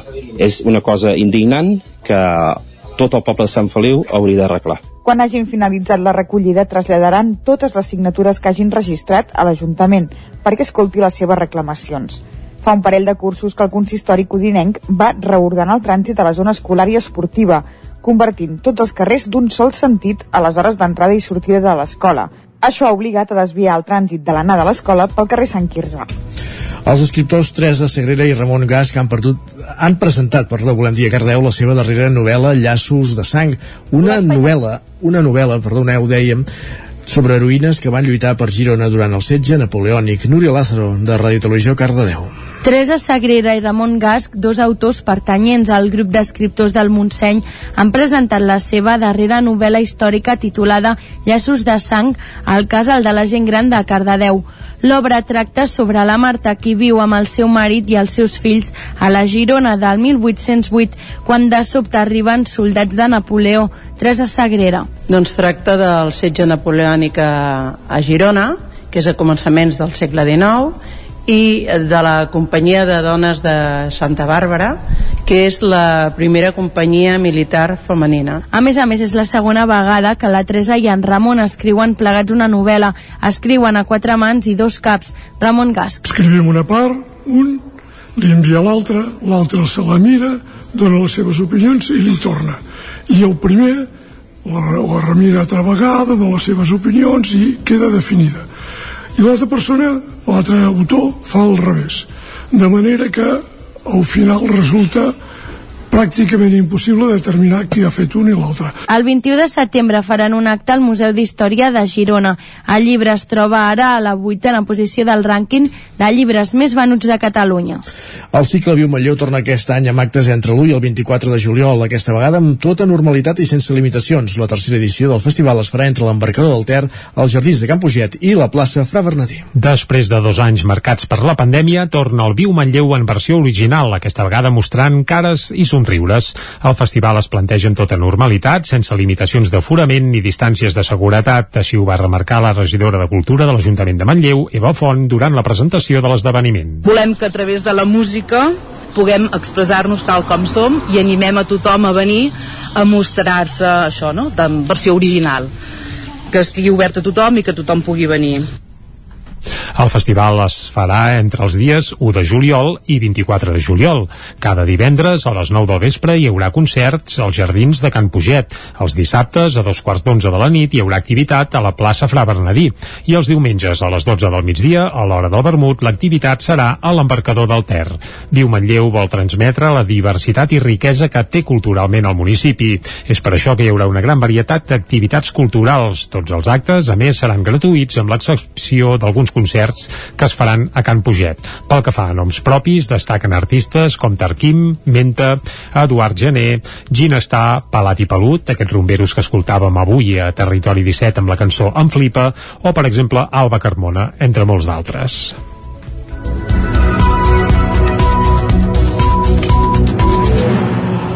20 segons perquè sigui un quart de 12 que aquí aquest repàs informatiu que començàvem a les 11 en companyia de Jordi Sunyer, Gemma Permanyer, Isaac Muntades i Núria Lázaro. El territori 17 continua. Tot seguit ens endinsem al territori sostenible i saludem de seguida en Jordi Givert. Territori 17. Envia'ns les teves notes de veu per WhatsApp al 646 079 023. 646 079 023. WhatsApp Territori 17.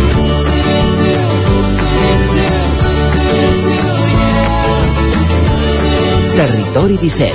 Som a Facebook, Twitter i Instagram amb l'usuari Territori 17.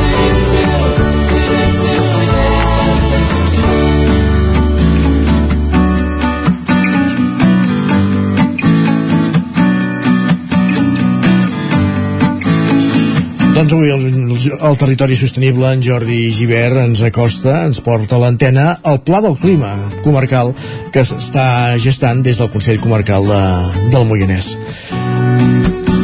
Com dèiem, tot seguit el territori sostenible. Jordi Givert, benvingut, bon dia.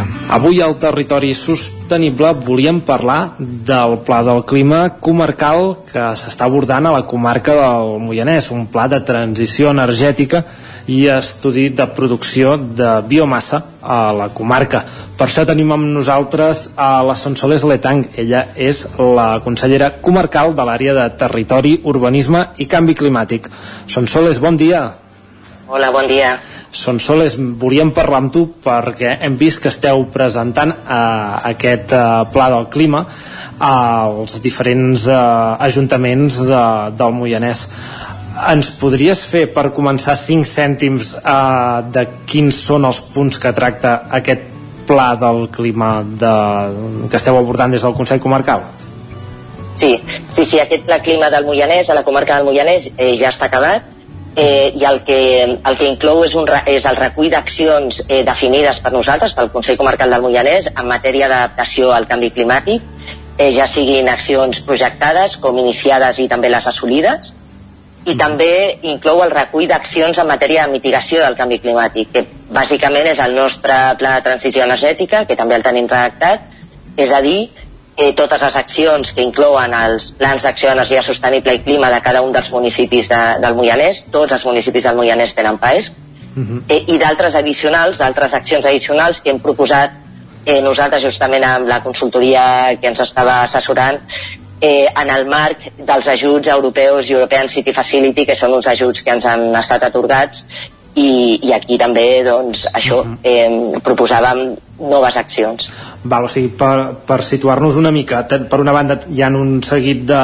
de mesures per eh, pal·liar els efectes del canvi climàtic i unes altres de proactives no? per, per tenir uns, eh, uns equipaments, uns pobles en el fons més sostenibles Exacte, sí. Per una banda preparem la comarca eh, en, en adaptar-se al canvi climàtic, és a dir, quines actuacions hem de fer per ser més resilients al canvi climàtic, que ja el tenim aquí, en tots els sectors. Eh, per exemple, doncs, hi han definides en, doncs, pel vector aigua, pel sector primari, eh, per les edificacions, en matèria d'energia, etc i també eh, accions en matèria de mitigació, que això és bàsicament eh, introducció d'energies renovables, accions a, per incrementar l'efecte embornal dels boscos, accions en eficiència energètica, etc. Llavors, aquest pla, per exemple, amb el tema aquest que ens parlaves de la introducció d'energies renovables, el que fa és fer eh, propostes eh, directes de que veurem d'aquí un temps a la comarca o regula com s'han de fer aquesta, aquesta introducció de les energies renovables?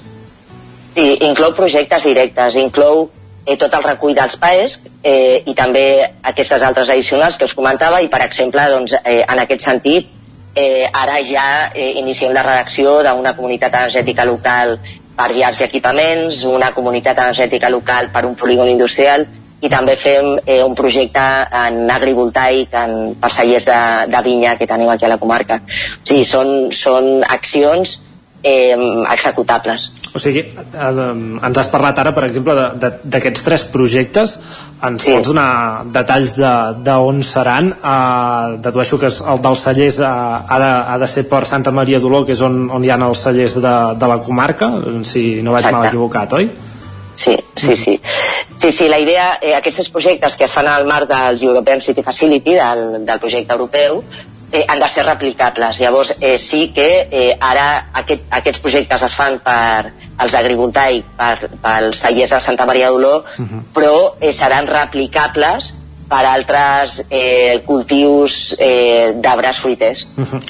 En el I, que ens parlaves doncs, de, del cas del projecte uh, de, uh, dedicat a la indústria uh, a on començarà, quina serà aquesta primera prova que es farà a la comarca? Sí, eh, la comunitat eh, energètica en polígon industrial eh, ho farem a Castellterçol, uh -huh. eh, el polígon industrial al vapor, eh, però això alhora serà replicable per la resta de polígons que tinguem aquí a la comarca. És que eh, Europa ens demanava sobretot això, que fossin projectes replicables, és a dir, ara fem el projecte inicial però la idea és estendre-ho per tota la comarca del Moianès i sí, a Castellterçol, al vapor Uh, clar, uh, això ara de moment s'està posant sobre el paper quan tardarem a, a veure-ho aquí a, als diferents pobles de la comarca? Sí, doncs eh, tant, o sigui, aquests dos eh, projectes com l'altre, el de comunitat uh -huh. energètica local per llars i equipaments, que aquest seria Calders, uh -huh. eh, doncs nosaltres amb, el, amb un termini d'un any hem de tenir redactats els projectes i el que passa és que són projectes que no, no és només el projecte tècnic, és a dir, també s'ha de definir la comunitat d'usuaris eh, per les comunitats energètiques i un model de finançament. Uh -huh. Llavors, tot això és el que procurarem redactar amb, amb tot aquest any perquè nosaltres teni, bueno, tenim un seguiment europeu i hem de donar uns resultats perquè estem eh, treballant amb uns terminis que ens marca Europa Eh, llavors, eh, a veure si nosaltres amb Europa hem parlat de poder tenir el segon any eh, ja les comunitats usuaris eh, definides i constituïdes i tota la planificació financera per l'execució també eh, realitzada. Per tant, eh, sent molt optimistes, eh, d'aquí dos anys eh, podrien estar executades Mhm. eh, sent mitjanament optimistes doncs poder en 3 anys estan executades tant de bo fos abans tant de bo fos abans. D'acord, no, ja, és un, ja és un primer pas eh, iniciar eh, amb aquest any que ve el, el redactat Uh, sí. el, el que anava a preguntar, hem, parlat, hem posat tres exemples, un dedicat a, a la indústria, a l'agricultura, un altre que és uh, per, uh, per les llars, diguéssim, per, per les comunitats de, de veïns. N'hi ha algun altre de, de projecte que també quedi reflectit en aquest, en aquest pla? Sí, sí, eh, sí, hi ha diversos. Eh, per exemple, tenim, o sigui, la creació de l'Agència d'Energia del Moianès és una de les, eh, de les actuacions que tenim programades, és que hi ha moltíssimes. Eh, per exemple, doncs, eh, així de projectes que promovem directament nosaltres des, de, des del Consell Comarcal de Moianès, també tenim el, el projecte d'instal·lació de plaques solars fotovoltaiques a la, a la nostra seu, a Can Carner, uh -huh. eh, tenim eh, un projecte de modelització de viabilitat tècnica i econòmica de xarxes de calor eh, abastits prioritàriament en biomassa en tots els municipis del Moianès. Uh -huh. eh, també hem realitzat un projecte d'eficiència energètica en tot el sistema de climatització de, de Can Carrer. Eh, moltíssimes coses. Eh, això en matèria d'energia, però després hi ha això d'altres vectors. Eh, en el vector aigua, com saps, també hem fet eh, bastants avenços sí, en aquests tres anys. Precisament uh, l'última vegada que, que parlàvem amb tu uh, estava iniciant-se un estudi uh, sobre els recursos hídrics d'aquí al, al Moianès. Teniu resultats ja d'aquest estudi?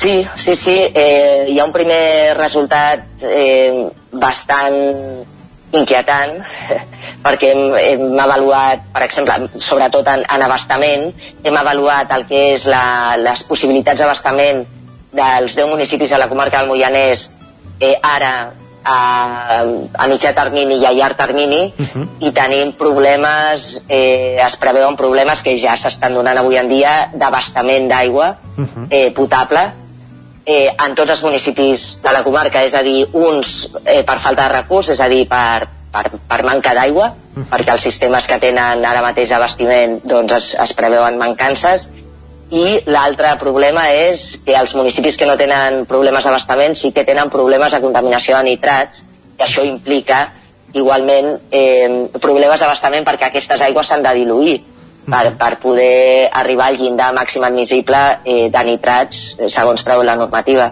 Per tant, eh, això ens ha motivat a presentar al·legacions a l'Agència Catalana de l'Aigua al seu eh, pla de gestió eh, d'abastament que va publicar ara fa res eh, per sol·licitar accions eh, per la comarca del Moianès per poder pal·liar aquests efectes que, que ja es preveuen clarament amb els escenaris eh, doncs, propers i futurs. Uh -huh.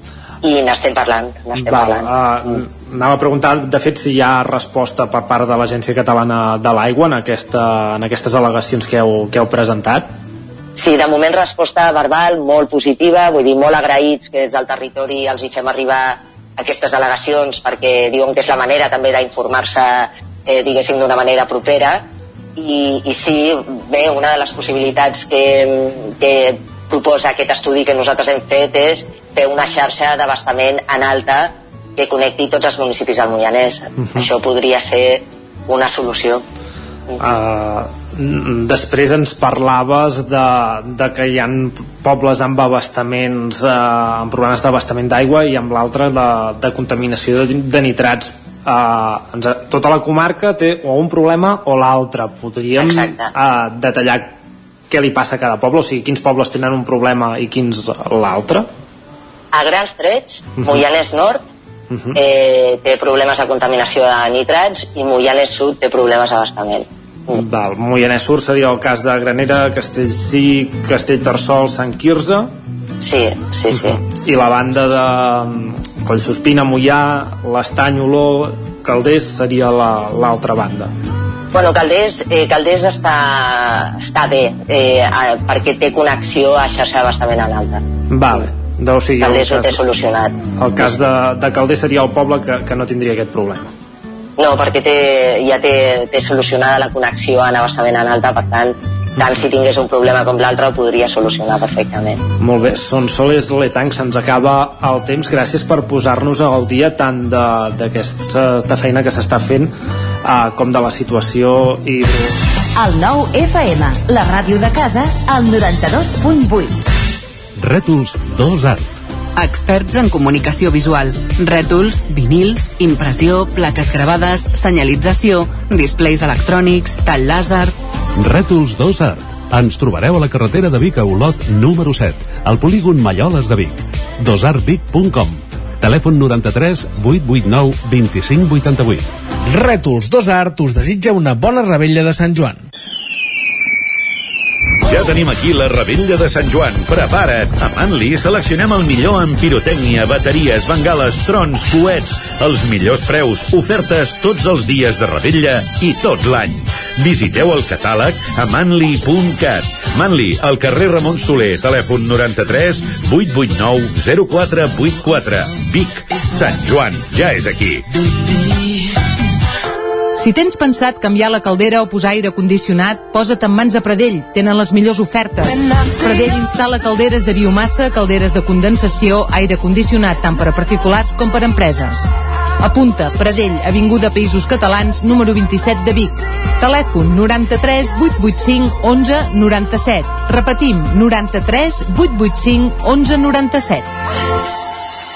Tic, tac, tic, tac.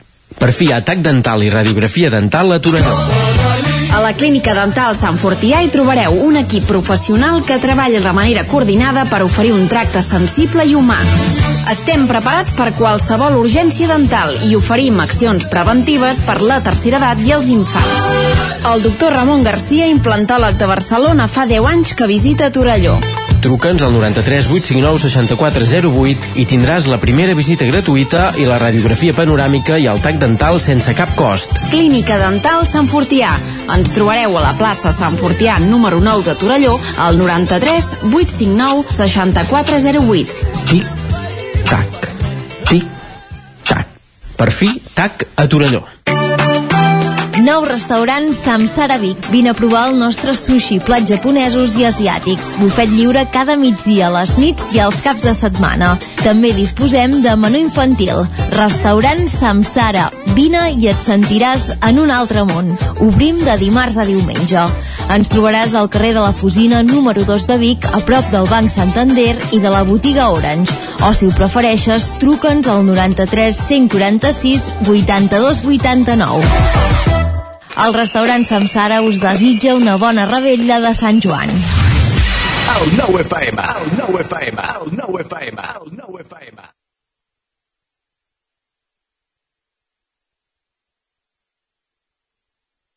Territori 17 A Tren d'Alba. Cada dia els usuaris de la línia R3 de Rodalies que veuen sortir el sol des d'un vagó ens expliquen les gràcies i les penes del primer comboi que uneix Ripoll i Barcelona. Benvinguts a Tren d'Alba. Un usuari de Twitter es queixava que el tren que sortia de la Garriga a les 7 i 52 minuts del matí en direcció a l'Hospitalet de Llobregat ja acumulava 14 minuts de retard i lamentava que Renfe no informés que anava tard. El community manager de Renfe li contestava que si hi ha una incidència que afecta la línia, diuen que hi ha una incidència en aquesta. En canvi, si hi ha una demora puntual en un tren però no afecta la circulació de tota la línia, diuen que hi ha normalitat en el servei. L'usuari replicava que li semblava una vergonya que es considerés normal que un tren anés tard, però a més deia que a la línia R3, que és de via única, la demora d'un tren afecta a tota la línia. En fi, podem escoltar la crònica de la Glòria Francolí en el viatge d'ahir. Hola, molt bon dia. Aquí la Glòria des de l'R3. Avui el tren que ha sortit de Sants a dos quarts de sis de la tarda ha arribat a Torelló amb uns 10 minuts de retard. Avui el viatge ha sigut realment molt plàcid, no destacaria res en concret. Sí que estic notant aquests dies que, que agafa el tren més gent que no és la gent habitual i veus de manera normal gent que va amb motxilles, que porten tendes de campanya, que van amb maletes grans, pujant amunt cap al Pirineu. I una cosa molt divertida del viatge d'avui és que una d'aquestes tendes de campanya servia de, de taula per jugar a cartes. Era una tenda de campanyes d'aquestes que són totalment rodones i m'ha agradat això, no? veure com aquest grup de quatre que estan assentats tots quatre en un compartiment d'aquests que, que, que veus les cares, els quatre amics s'han posat a, a jugar a cartes. I he pensat, doncs mira, que era una altra bona cosa per fer quan vas en tren, si vas en bona companyia i una tenda de campanya, està clar. Um, I una altra cosa que m'ha agradat d'avui és que fa dies que també us ho volia comentar, quan hem arribat a Torelló, um, estan fent obres, estan millorant la façana de, de, de l'estació de Torelló. Doncs bé, això està superbé, a mi m'ha agradat, ja fa dies que ho estic veient, veig que encara no les han agafat, acabat. Sembla una reforma una mica més integral de les que ens han fet fins ara que era simplement pintar la façana. Això sembla que s'ho prenen una mica més seriosament però no sé exactament uh, què hi estan fent. Sí que hi ha aquesta màquina aquesta màquina per, per pujar per, d'elevació per pujar les persones perquè puguin actuar a la part superior de, de l'estació però fora d'això um, no sé exactament què hi estan fent. Però no res, com veieu dues bones bones coses del tren a la secció de... Vinga, que tingueu tots molt bon dia. Sí, Fa unes setmanes vam comentar que havien començat aquestes obres a la façana de l'estació de Torelló i pel que veiem s'ho prenen seriosament. A veure si la deixen com nova perquè varen veure una imatge de com estava i realment semblava que hagués de caure trossos i pel que fa a les cartes sempre és un joc entretingut per passar l'estona, sobretot a l'R3, on es pot fer molt llarg si te'n passa algun retard. Va, ens retrobem demà amb més històries del tren i de l'R3. Territori, Territori 17. 17. Territori 17.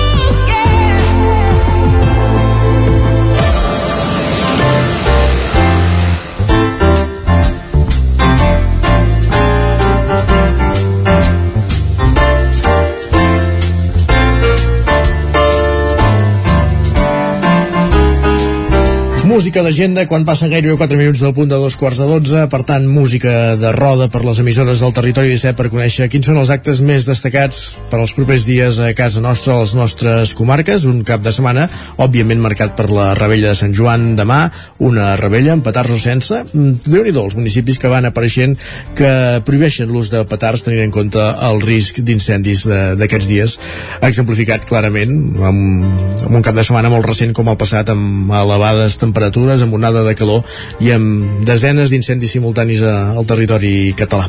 Per sort, amb afectacions mínimes al territori 17. Ara sí, comencem aquest recorregut per l'agenda, anem fins als estudis de Ràdio Televisió Cardeu, allà ens espera un dimecres més l'Òscar Muñoz. Òscar, bon dia, com tenim l'agenda? Bon dia, doncs sí, tenim l'agenda carregada de, de, de foc controlat, no? però sí que en aquesta programació de la Rapella Sant Joan i les rebudes de la Flama del Canigó. Sí, sí, com, comencem demà mateix, dijous a dos quarts de set la plaça de Sant Corneli acull la gincama d'aigua i llimonada a càrrec dels esplais de bruixes i bruixots dels els corrilots uh -huh. a dos quarts de nou a la plaça de les Flors de Maig es farà l'arribada de la Flama del Canigó i es farà l'encesa del pavater i la lectura del manifest a càrrec dels membres de la comunitat educativa de Cardedeu. A dos quarts de deu, la plaça Sant Corneli també es farà el sopar popular, on cadascú portarà el seu menjar i hi haurà coca i cava per tothom. A dos quarts d'onze de, de la nit, a la plaça dels Flors de Maig, hi haurà doble concert, primer es faran els balls tradicionals i, i més amb càrrec de, de cardances i a les 12 es farà el concert amb la Lola Anderrinos a càrrec del Bulburí això com comentàvem és demà dijous mateix i dissabte a Cardedeu es, fe, es fa la, la festa del foc. A la plaça Sant Corneli començarà tota aquesta festa a les 11 del matí amb la plantada de les bèsties amb la colla convidada als dracs de Granollers. Molt bé. Uh -huh i després al matí es faran com tres activitats abans d'aquesta festa del foc. A dos quarts de dotze es faran el conte contes amb l'Alicia Molina ens explicarà la llegenda del berro. A dos quarts d'una el concert vermut amb el Jaume Aranalla Arnella. I a, Ah, I a dos quarts de sis es farà un taller de pintada de cartrons. Al dos quarts de vuit es fa, ja començaran les activitats de focs amb els balls eh, amb els balls dels garrins amb el drac petit de Granollers. Es farà un recorregut que començarà i acabarà a la plaça de l'Església. Uh -huh. A dos quarts de nou es fa el correfoc infantil a càrrec de les colles infantils d'aquí Cardedeu i de Granollers a dos quarts de 10 es farà el sopar popular. Aquí sí que hi haurà dinar no, no cal portar-ho de casa sinó que es farà doncs, això, un menú. Exacte. I després eh, la nit seguirà a dos quarts d'onze amb la llegenda es farà una versió reduïda d'aquesta llegenda del Berro. I tot seguit doncs, es faran els balls del Berro el ball del drac de Granollers i de totes les figures eh, d'aquestes dues colles amb el correfoc amb la colla jove dels dimonis de Cardedeu i els diables de Cardedeu. A dos quarts de dotze es farà el a dos quarts d'una, perdona, es farà el concert de set de rumba i amb això acabarà aquesta festa del foc aquí a Cardedeu molt bé. Ara ens anem a, a, a Llinars, fem una petita repassada. A Llinars la rebuda de la Flama Canigó i la lectura del manifest es farà al pati d'armes del Castell Nou i després a continuació es farà als camps de l'illa eh, es farà doncs, l'encesa de, de les fogueres a càrrec dels diables de Llinars. Hi haurà cava i coca per tothom.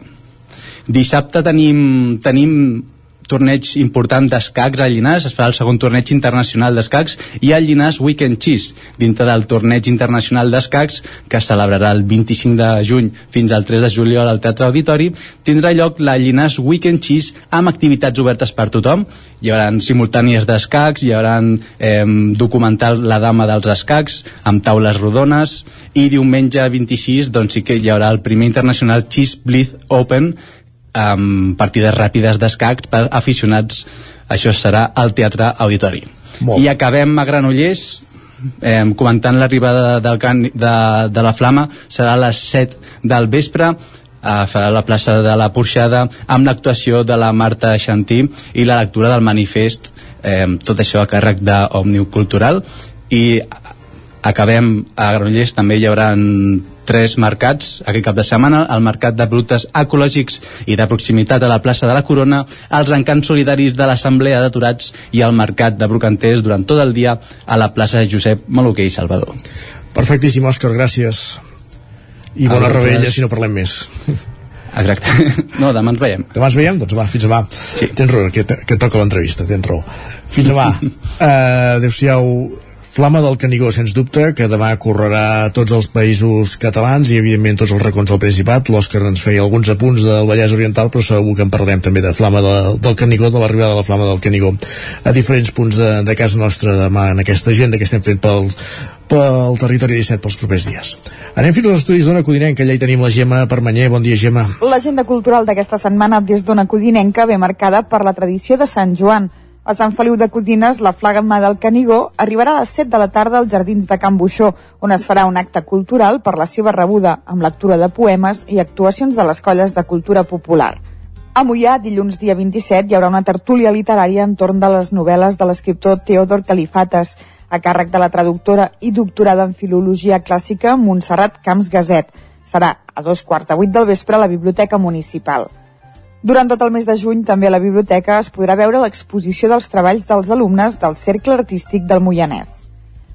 L'Estany acull divendres l'inici del sisè festival de titelles del Moianès. Començarà a les 7 de la tarda amb un itinerari pel centre del casc urbà. Sortirà des del cinema i anirà a càrrec de Xo Teatre de Titelles, Evaristo i companyia. A les 10 del vespre, a l'aparcament del doctor Vilardell, la companyia Jordi Beltran presentarà poemes visuals a Vigues i Riells, dimarts a la Biblioteca Municipal hi haurà una nova tarda d'autor amb Anna Gas i el Pèndol. Serà a dos quarts de set de la tarda. A Caldes, el Centre Democràtic i Progressista acull la mostra de treballs individuals en pintura a l'oli, a càrrec del col·lectiu La Canaleta. Perfecte, gràcies Gemma, doncs també que vagin molt bé aquestes activitats per l'entorn de Sant Feliu de Codines, Caldes i el Moianès i anem cap al Ripollès, allà ens espera un cop més l'Isaac Muntades aquí eh, eh, portem un cop més a l'antena en aquest programa d'avui. Isaac, benvingut de nou. Hola, bon dia. Explica'ns l'agenda que dius que ve ben carregada al Ripollès aquests propers dies, eh? Sí, sí, sí, hi ha molta cosa al Ripollès. Si us sembla, comencem per les activitats pròpiament de, de Sant Joan de les Abadès... Ai, de Sant Joan, de, de Sant Joan, no de Sant Joan de les Abadès, que també, que també n'hi haurà, eh? Sant Joan festivitat, vols dir? Exacte, Sant Joan Festivitat, la Rebella. A veure, eh, recordeu que també aquí al Ripollès, clar, la Flama del Canigó arriba per al Coll d'Ares, per tant també és un punt eh, central d'aquesta Rebella de Sant Joan i a partir d'aquí doncs es reparteix, com sabeu, per eh, tot Catalunya. Per tots els uh, països Flama... catalans. Sí, exacte, i per tots els països catalans la flama arribarà aquest dimecres de bon matí i tot seguit ho faran els, di els diferents equips de foc ving, uh, vinguts de tot arreu a partir de les 11 del matí arribaran un grup d'uns 150 escolars de les escoles La Bressola i Arrels de la Catalunya Nord, que com sabeu estudien en català, i pujaran a Coll d'Ares a, a fer diverses activitats. També hi haurà la presència de l'expresident de la Generalitat, Quim Torra, a les, i a les 4 de la tarda doncs, arribarà una segona flama que es distribuirà en aquest cas per les comarques de, del Ripollès, Osona, el Lluçanès i, i la Garrotxa. Uh, en aquest cas l'acte també comptarà amb la presència de l'activista per la uh, cultura i la llengua de, de la Catalunya Nord, Daniel Agrau, i encara també serà el president Torra.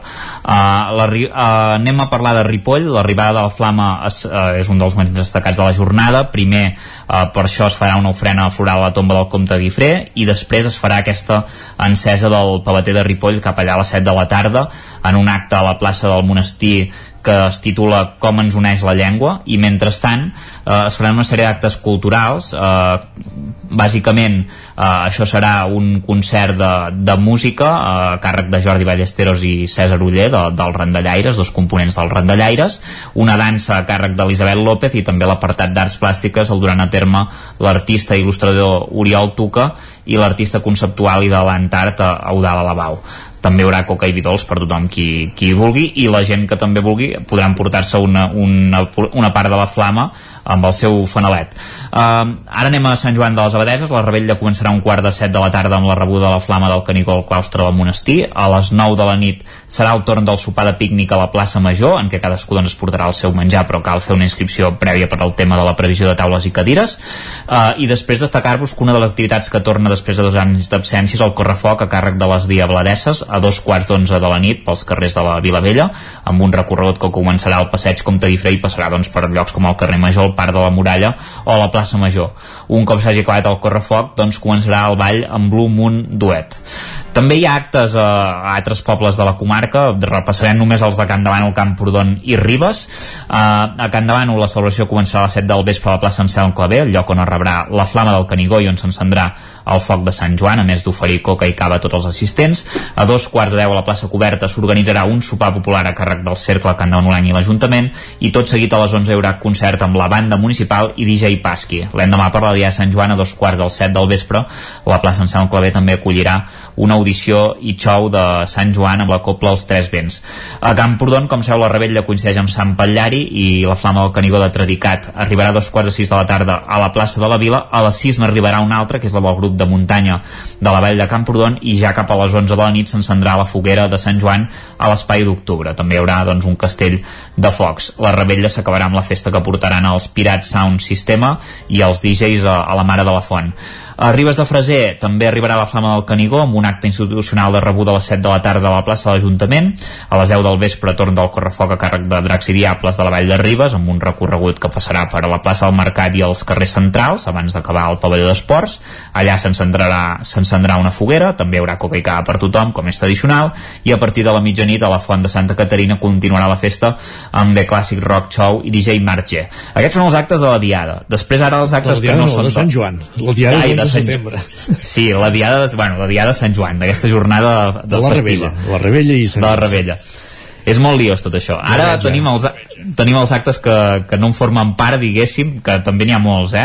Aquest dissabte comença el Festival Ripollès 5 Sentits a Sant Joan de les Abadeses, on hi haurà una visita cultural a les 5 de la tarda per conèixer el Palau de l'Abadia i el monestir, i després a dos quarts de set concert amb l'Albert, la, que és un dels concursants del concurs de música Eufòria de TV3, que cantarà pop indi alternatiu i urbà en format íntim. Uh, també dir-vos que el, el pròxim diumenge es farà una nova edició del Mercat del Trasto a Sant Joan, a la zona de la Coromina del Bac. Eh, es preveu que hi siguin un centenar de parades de segona mà d'articles de col·leccionisme, des de les 6 del matí fins a les 2 de la tarda. Eh, és, la participació és gratuïta per tothom qui vulgui posar-hi una parada, però cal fer inscripció prèvia a l'oficina turisme. Eh, també dir-vos que dissabte hi haurà Ribes Platja a la plaça del Mercat de, de Ribes amb l'organització de teatre d'emergència amb activitats molt de, molt de platja de les zones costeres, com unes habaneres, amb neus mar a les 7 de la tarda, també hi haurà aquagim al migdia, una sessió de nit amb DJ Francho, una sardinada popular a dos quarts de set del vespre, una festa de l'escuma a les 5 de la tarda i també DJ Crow al migdia i danses amb l'Esbart Eudal Coma a les 6 de la tarda i moltes coses més. Uh, dues co uh, bueno, última cosa ja per acabar, que és la festa major de Sant Patllari, clar, encara estem a la festa major de Camprodon, avui hi ha activitats també uh, molt aquàtiques, recordem que avui hi ha el dinar popular a la font de Sant Patllari i la cercavila de baixada de la font amb la remullada i la festa de l'escuma, com a novetat, baixant pel pont hi haurà un concert a l'espai 1 d'octubre. I després aquest dijous eh, també hi haurà bueno, la, la rebella de Sant Joan amb tot, amb tot el tema que, que us hem comentat. Hi haurà un escape room al matí el grup d'animació xiula a la tarda. Eh, divendres es disputarà una cursa d'obstacles al matí. Hi haurà els filibusters que faran un espectacle infantil a la tarda a les 9 del vespre el casal Camprodoner acollirà el monòleg de Feixedes i Punt de, de Fel Feixedes. Dissabte hi haurà inflables a la piscina i nit de concerts amb diversos eh, cantants i la festa acabarà diumenge amb la caminada solidària fins a Sant Antoni i segurament la novetat d'aquest any que són uns vols amb helicòpter que es fan durant tot el matí eh, per tres persones durant 10 minuts que també serà, serà interessant. I això bàsicament seria tot, déu nhi l'activitat. Bàsicament, dius, eh? Sí, sí, sí. déu nhi l'activitat que teniu per, per aquest cap de setmana aquí al Ripollès. Sí, sorprèn havent-hi la, la Rebella i, i Sant Joan, però hi ha molta activitat perquè, clar, eh, la, la Rebella i Sant Joan és dijous i divendres, per tant encara queda el cap de setmana. Perfectíssim, gràcies Isaac. Parlem demà. Adéu. Bon, cap, bona rebella també, bon, cap de, bon dimecres. I com que, evidentment, tot fa referència... Moltes coses fan referència a la Rebella de Sant Joan, també hi posem música per amenitzar-ho. Vam encendre una foguera on cremar tota la pena per deixar enrere el temps, per reneixer de la cendra amb el veure de les bruixes vam omplir-nos de saviesa per fugir de la pell sentir bategar la terra. La terra que balla. Portem la terra dins. Les ales noves sense fantasmes girant els astres com un tresor. Les ales noves per volar lliures com aquest riure que neix del cor.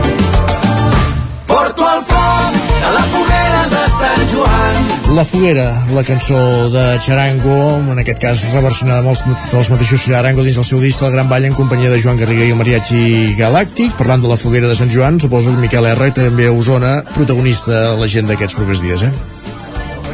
Una mica obríem el micro, ara sí. Correcte, agafant una mica el fil del que ens parlava l'Isaac, l'arribada aquesta a partir de demà a primera hora del matí Coll d'Ares de la Flama del Canigó doncs iniciarà aquestes rutes eh, per tot el territori, arribaran també a la pràctica totalitat de municipis d'Osona i el Lluçanès. Recordem que mm, llavors una mica cada ajuntament, cada col·lectiu que fa la rebuda, eh, diguéssim, li fa la benvinguda que considera oportuna i el que hi ha és això, hi ha rebelles populars, sopars i per tant una mica aquest any recuperant la plena normalitat eh, ja dic, activitats a la pràctica totalitat de municipis. Sí que han intentat, per exemple, aquest any anar un pèl més d'hora l'arribada, han ajustat horaris, sempre, per exemple, Torelló o Vic es havien queixat que arribava molt tard la foguera o comença, sí. començava molt tard, aquest any ho ajusten més en el cas de Vic per exemple a les 9 del vespre ja hi haurà l'encesa ja de la foguera de la plaça Major i per tant això, sapigueu que a la pràctica totalitat de municipis s'organitzaran rebelles vinculades a, a, aquesta, a aquesta flama sempre i quan no siguin aquells municipis on es produeix el foc i els petards eh? Uh, correcte, haurem d'anar aquest any amb especial alerta malgrat que el temps sembla que ens fa una treva de la calorada que hem passat i tot això ajuda uh, caldrà estar molt, molt molt alerta amb on es tiren els petards, especialment com es tiren i la potència dels que es tiren, perquè també hi ha alguns municipis que han marcat limitacions en aquest sentit. Correcte. Flama del Canigó també és sinònim, Flama del Canigó i Sant Joan, amb les festes de Sant Joan i els Elois de Prats. És Certament. pràcticament la segona Festa Major de Prats, això recordem els actes centrals comencen aquest divendres i s'allarguen fins diumenge, aquest divendres ja arrenca per exemple amb la 44a edició del Cros de Sant Joan que recupera també la cursa infantil. Al vespre hi haurà un d'aquests moments més esperats pels pradencs i pradenques l'encesa del petardàs, la marxa de, tor de, de torxes i la cerca vila amb els traginers carreters i animals. Amb l'habitual xaranga també recorrent al, al centre històric del poble i eh, per, per, diguéssim, per empalmar amb un altre dels moments àlgids de la festa que és la ballada del contrapàs, un altre clàssic eh, que també recupera la normalitat. Recordem-ho, l'any passat es va haver de fer eh, perquè ara ens sembla encara ho veiem molt lluny però es va fer una ballada però únicament eh, el mateix dia de Sant Joan i amb inscripció prèvia eh? per tant això ens queda enrere ja. Eh, dissabte serà pròpiament el dia dels Elois també començarà amb un esmorzar popular, eh, la passada de, de carreters, mules, cavalls, ases i carruatges pel carrers del poble, que també es preveu idèntic amb, amb una alta participació aquest any, el fet que s'escaigui amb, amb cap de setmana, i a la tarda la tradicional curses d'ases i cavalls per acabar la festa diumenge amb un espectacle familiar al matí eh, i una, un de circ a la tarda Prats de Lluçanès. Molt bé. Um, pel que fa a propostes uh, més culturals, recordar una mica que els programadors han aprofitat també per fer un parèntesi aquest cap de setmana que coincideix una mica una mena de pont llarg uh, de tres dies festius, per tant ja tenim poques propostes. M'agradaria destacar-ne una que es fa a l'Atlàntida en el marc del cicle Clàssica Jove, que fa dies que ja anem, estem parlant, amb una proposta així singular perquè és una nova orquestra, una, una nova orquestra que es diu Original Soundtrack Orchestra. Eh, eh això la impulsen un grup d'alumnes de l'ESMUC i també amb la participació d'alumnes de, de música de, de l'ESMUC i del Liceu amb una seixantena de música i especialitzada estrictament en música de cinema per tant, això és dissabte a partir de les 8 del vespre, l'Atlàntida, qui vulgui sentir eh, tons tan coneguts com els de Superman, com el de Forrest Gump, Pirates del Carib o La Missió, eh, que tots ens venen al cap, doncs eh, podrem escoltar-los això de la mà de la, de la Osto, Original Soundtrack Orchestra, a l'Atlàntida de Vic a partir de, de les 8 del vespre. Molt bé. I per aquí, a partir d'aquí faríem un parèntesi, un parèntesi per empalmar a partir de dilluns, ho dic per parlar, començar a obrir boca també, biguetans i biguetans que ens escoltin, perquè Cert, la festa major, Sant Miquel dels Sants, ja comença a sumar a la festa. Recordem que el dia central és el 5 de juliol, però la setmana que ve ja hi ha aquella, les, les, les habituals festes que fan les tres colles, eh? la verda, la, verme la vermella i la negra, entre setmana per anar obrint boca, fins a entrar ja pròpiament el, el proper cap de setmana amb, amb el, el primer gruix, gran gruix d'actes de, de la Festa Major de Vic, que recupera, aquests dies ho estem dient, tota la normalitat, amb, amb propostes com el, el, el govern, ai, el concert de gran format que farà la Pegatina a la plaça Major, la crida multitudinària extraordinària que viurem aquí al costat de la redacció del 9-9, a la plaça de la Catedral, també amb tot el seu format, i per tant tindrem dies per anar-ne parlant, però tindrem ja una setmana, us se'ns prepara una setmana molt atapeïda de, de propostes festives. Perquè de quin color som aquí el 9-9? Aquí el color que ens toca és pròpiament el negre. Gairebé amb una cruïlla, però ens toca el color negre, per tant, som pròpiament de, de la vella. La vella és la, la, el cap de llúpia que ens representa. Perfectíssim, Miquel. Moltíssimes gràcies. I deies un dels grups que actuaran en aquesta festa major de Vic, la Pegatina, un, del, uh, un dels grans concerts d'aquesta festa major, i amb ells acabem aquesta agenda. Gràcies i bona rebella, també. Bona rebella. Una puerta siempre se abre una ventana. Hay que tomársela con ganas, sabiendo que el que no llora no mama. Al que levante la voz, que se le sacan los morros y le amarguen las dudas, si viéndose oscuras no pida calor. Lloverá y lloveré, lloveré, lloverá y lloveré, lloveré,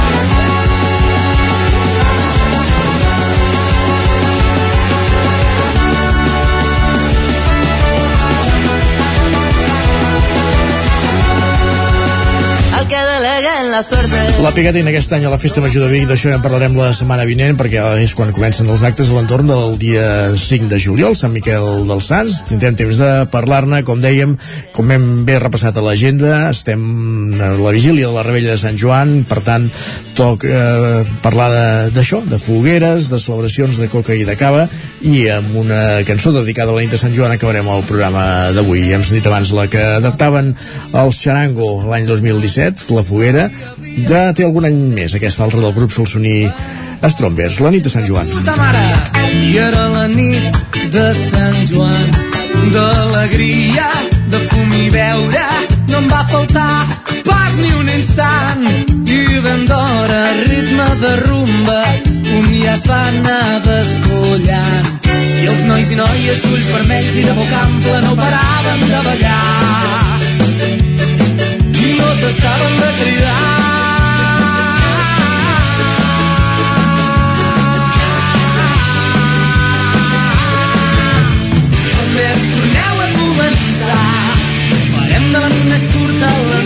l'any. Sí, sí, sí, bombers, torneu a començar.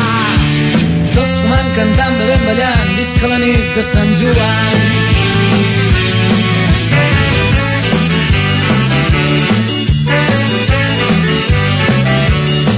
Amb bona música per aquella nit, la nit sencera. No es podia fotre baix el cunyat. Ara un rock, ara una rumba i ara un rigui i un ska. Ara un vals, una ranxera, un moment i un xa-xa-xa. I es anava fotent de dia i en Jack que no apareixia. La nit de Sant Joan és nit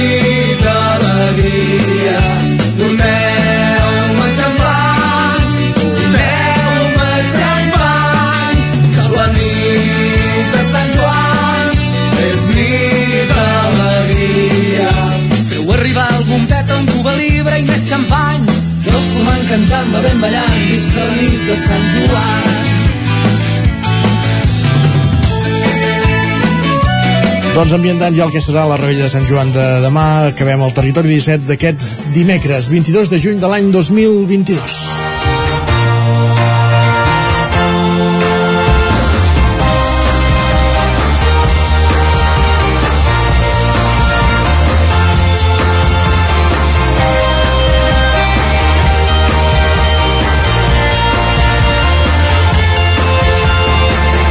Us hem acompanyat des de les 9 del matí durant 3 hores Pepa Costa, Caral Campàs, Guillem Sánchez, Isaac Muntades, Txell Vilamala, Núria Lázaro, Jordi Givert, Gemma Permanyem, Òscar Muñoz, Miquel R, Pol Matavaca, Jordi Sunyer i Isaac Moreno.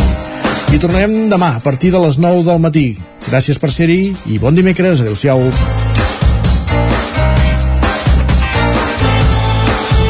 Territori 17, un magazín del nou FM. La veu de Sant Joan, Ona Codinenca i Ràdio Cardedeu amb el suport de la xarxa. El nou FM.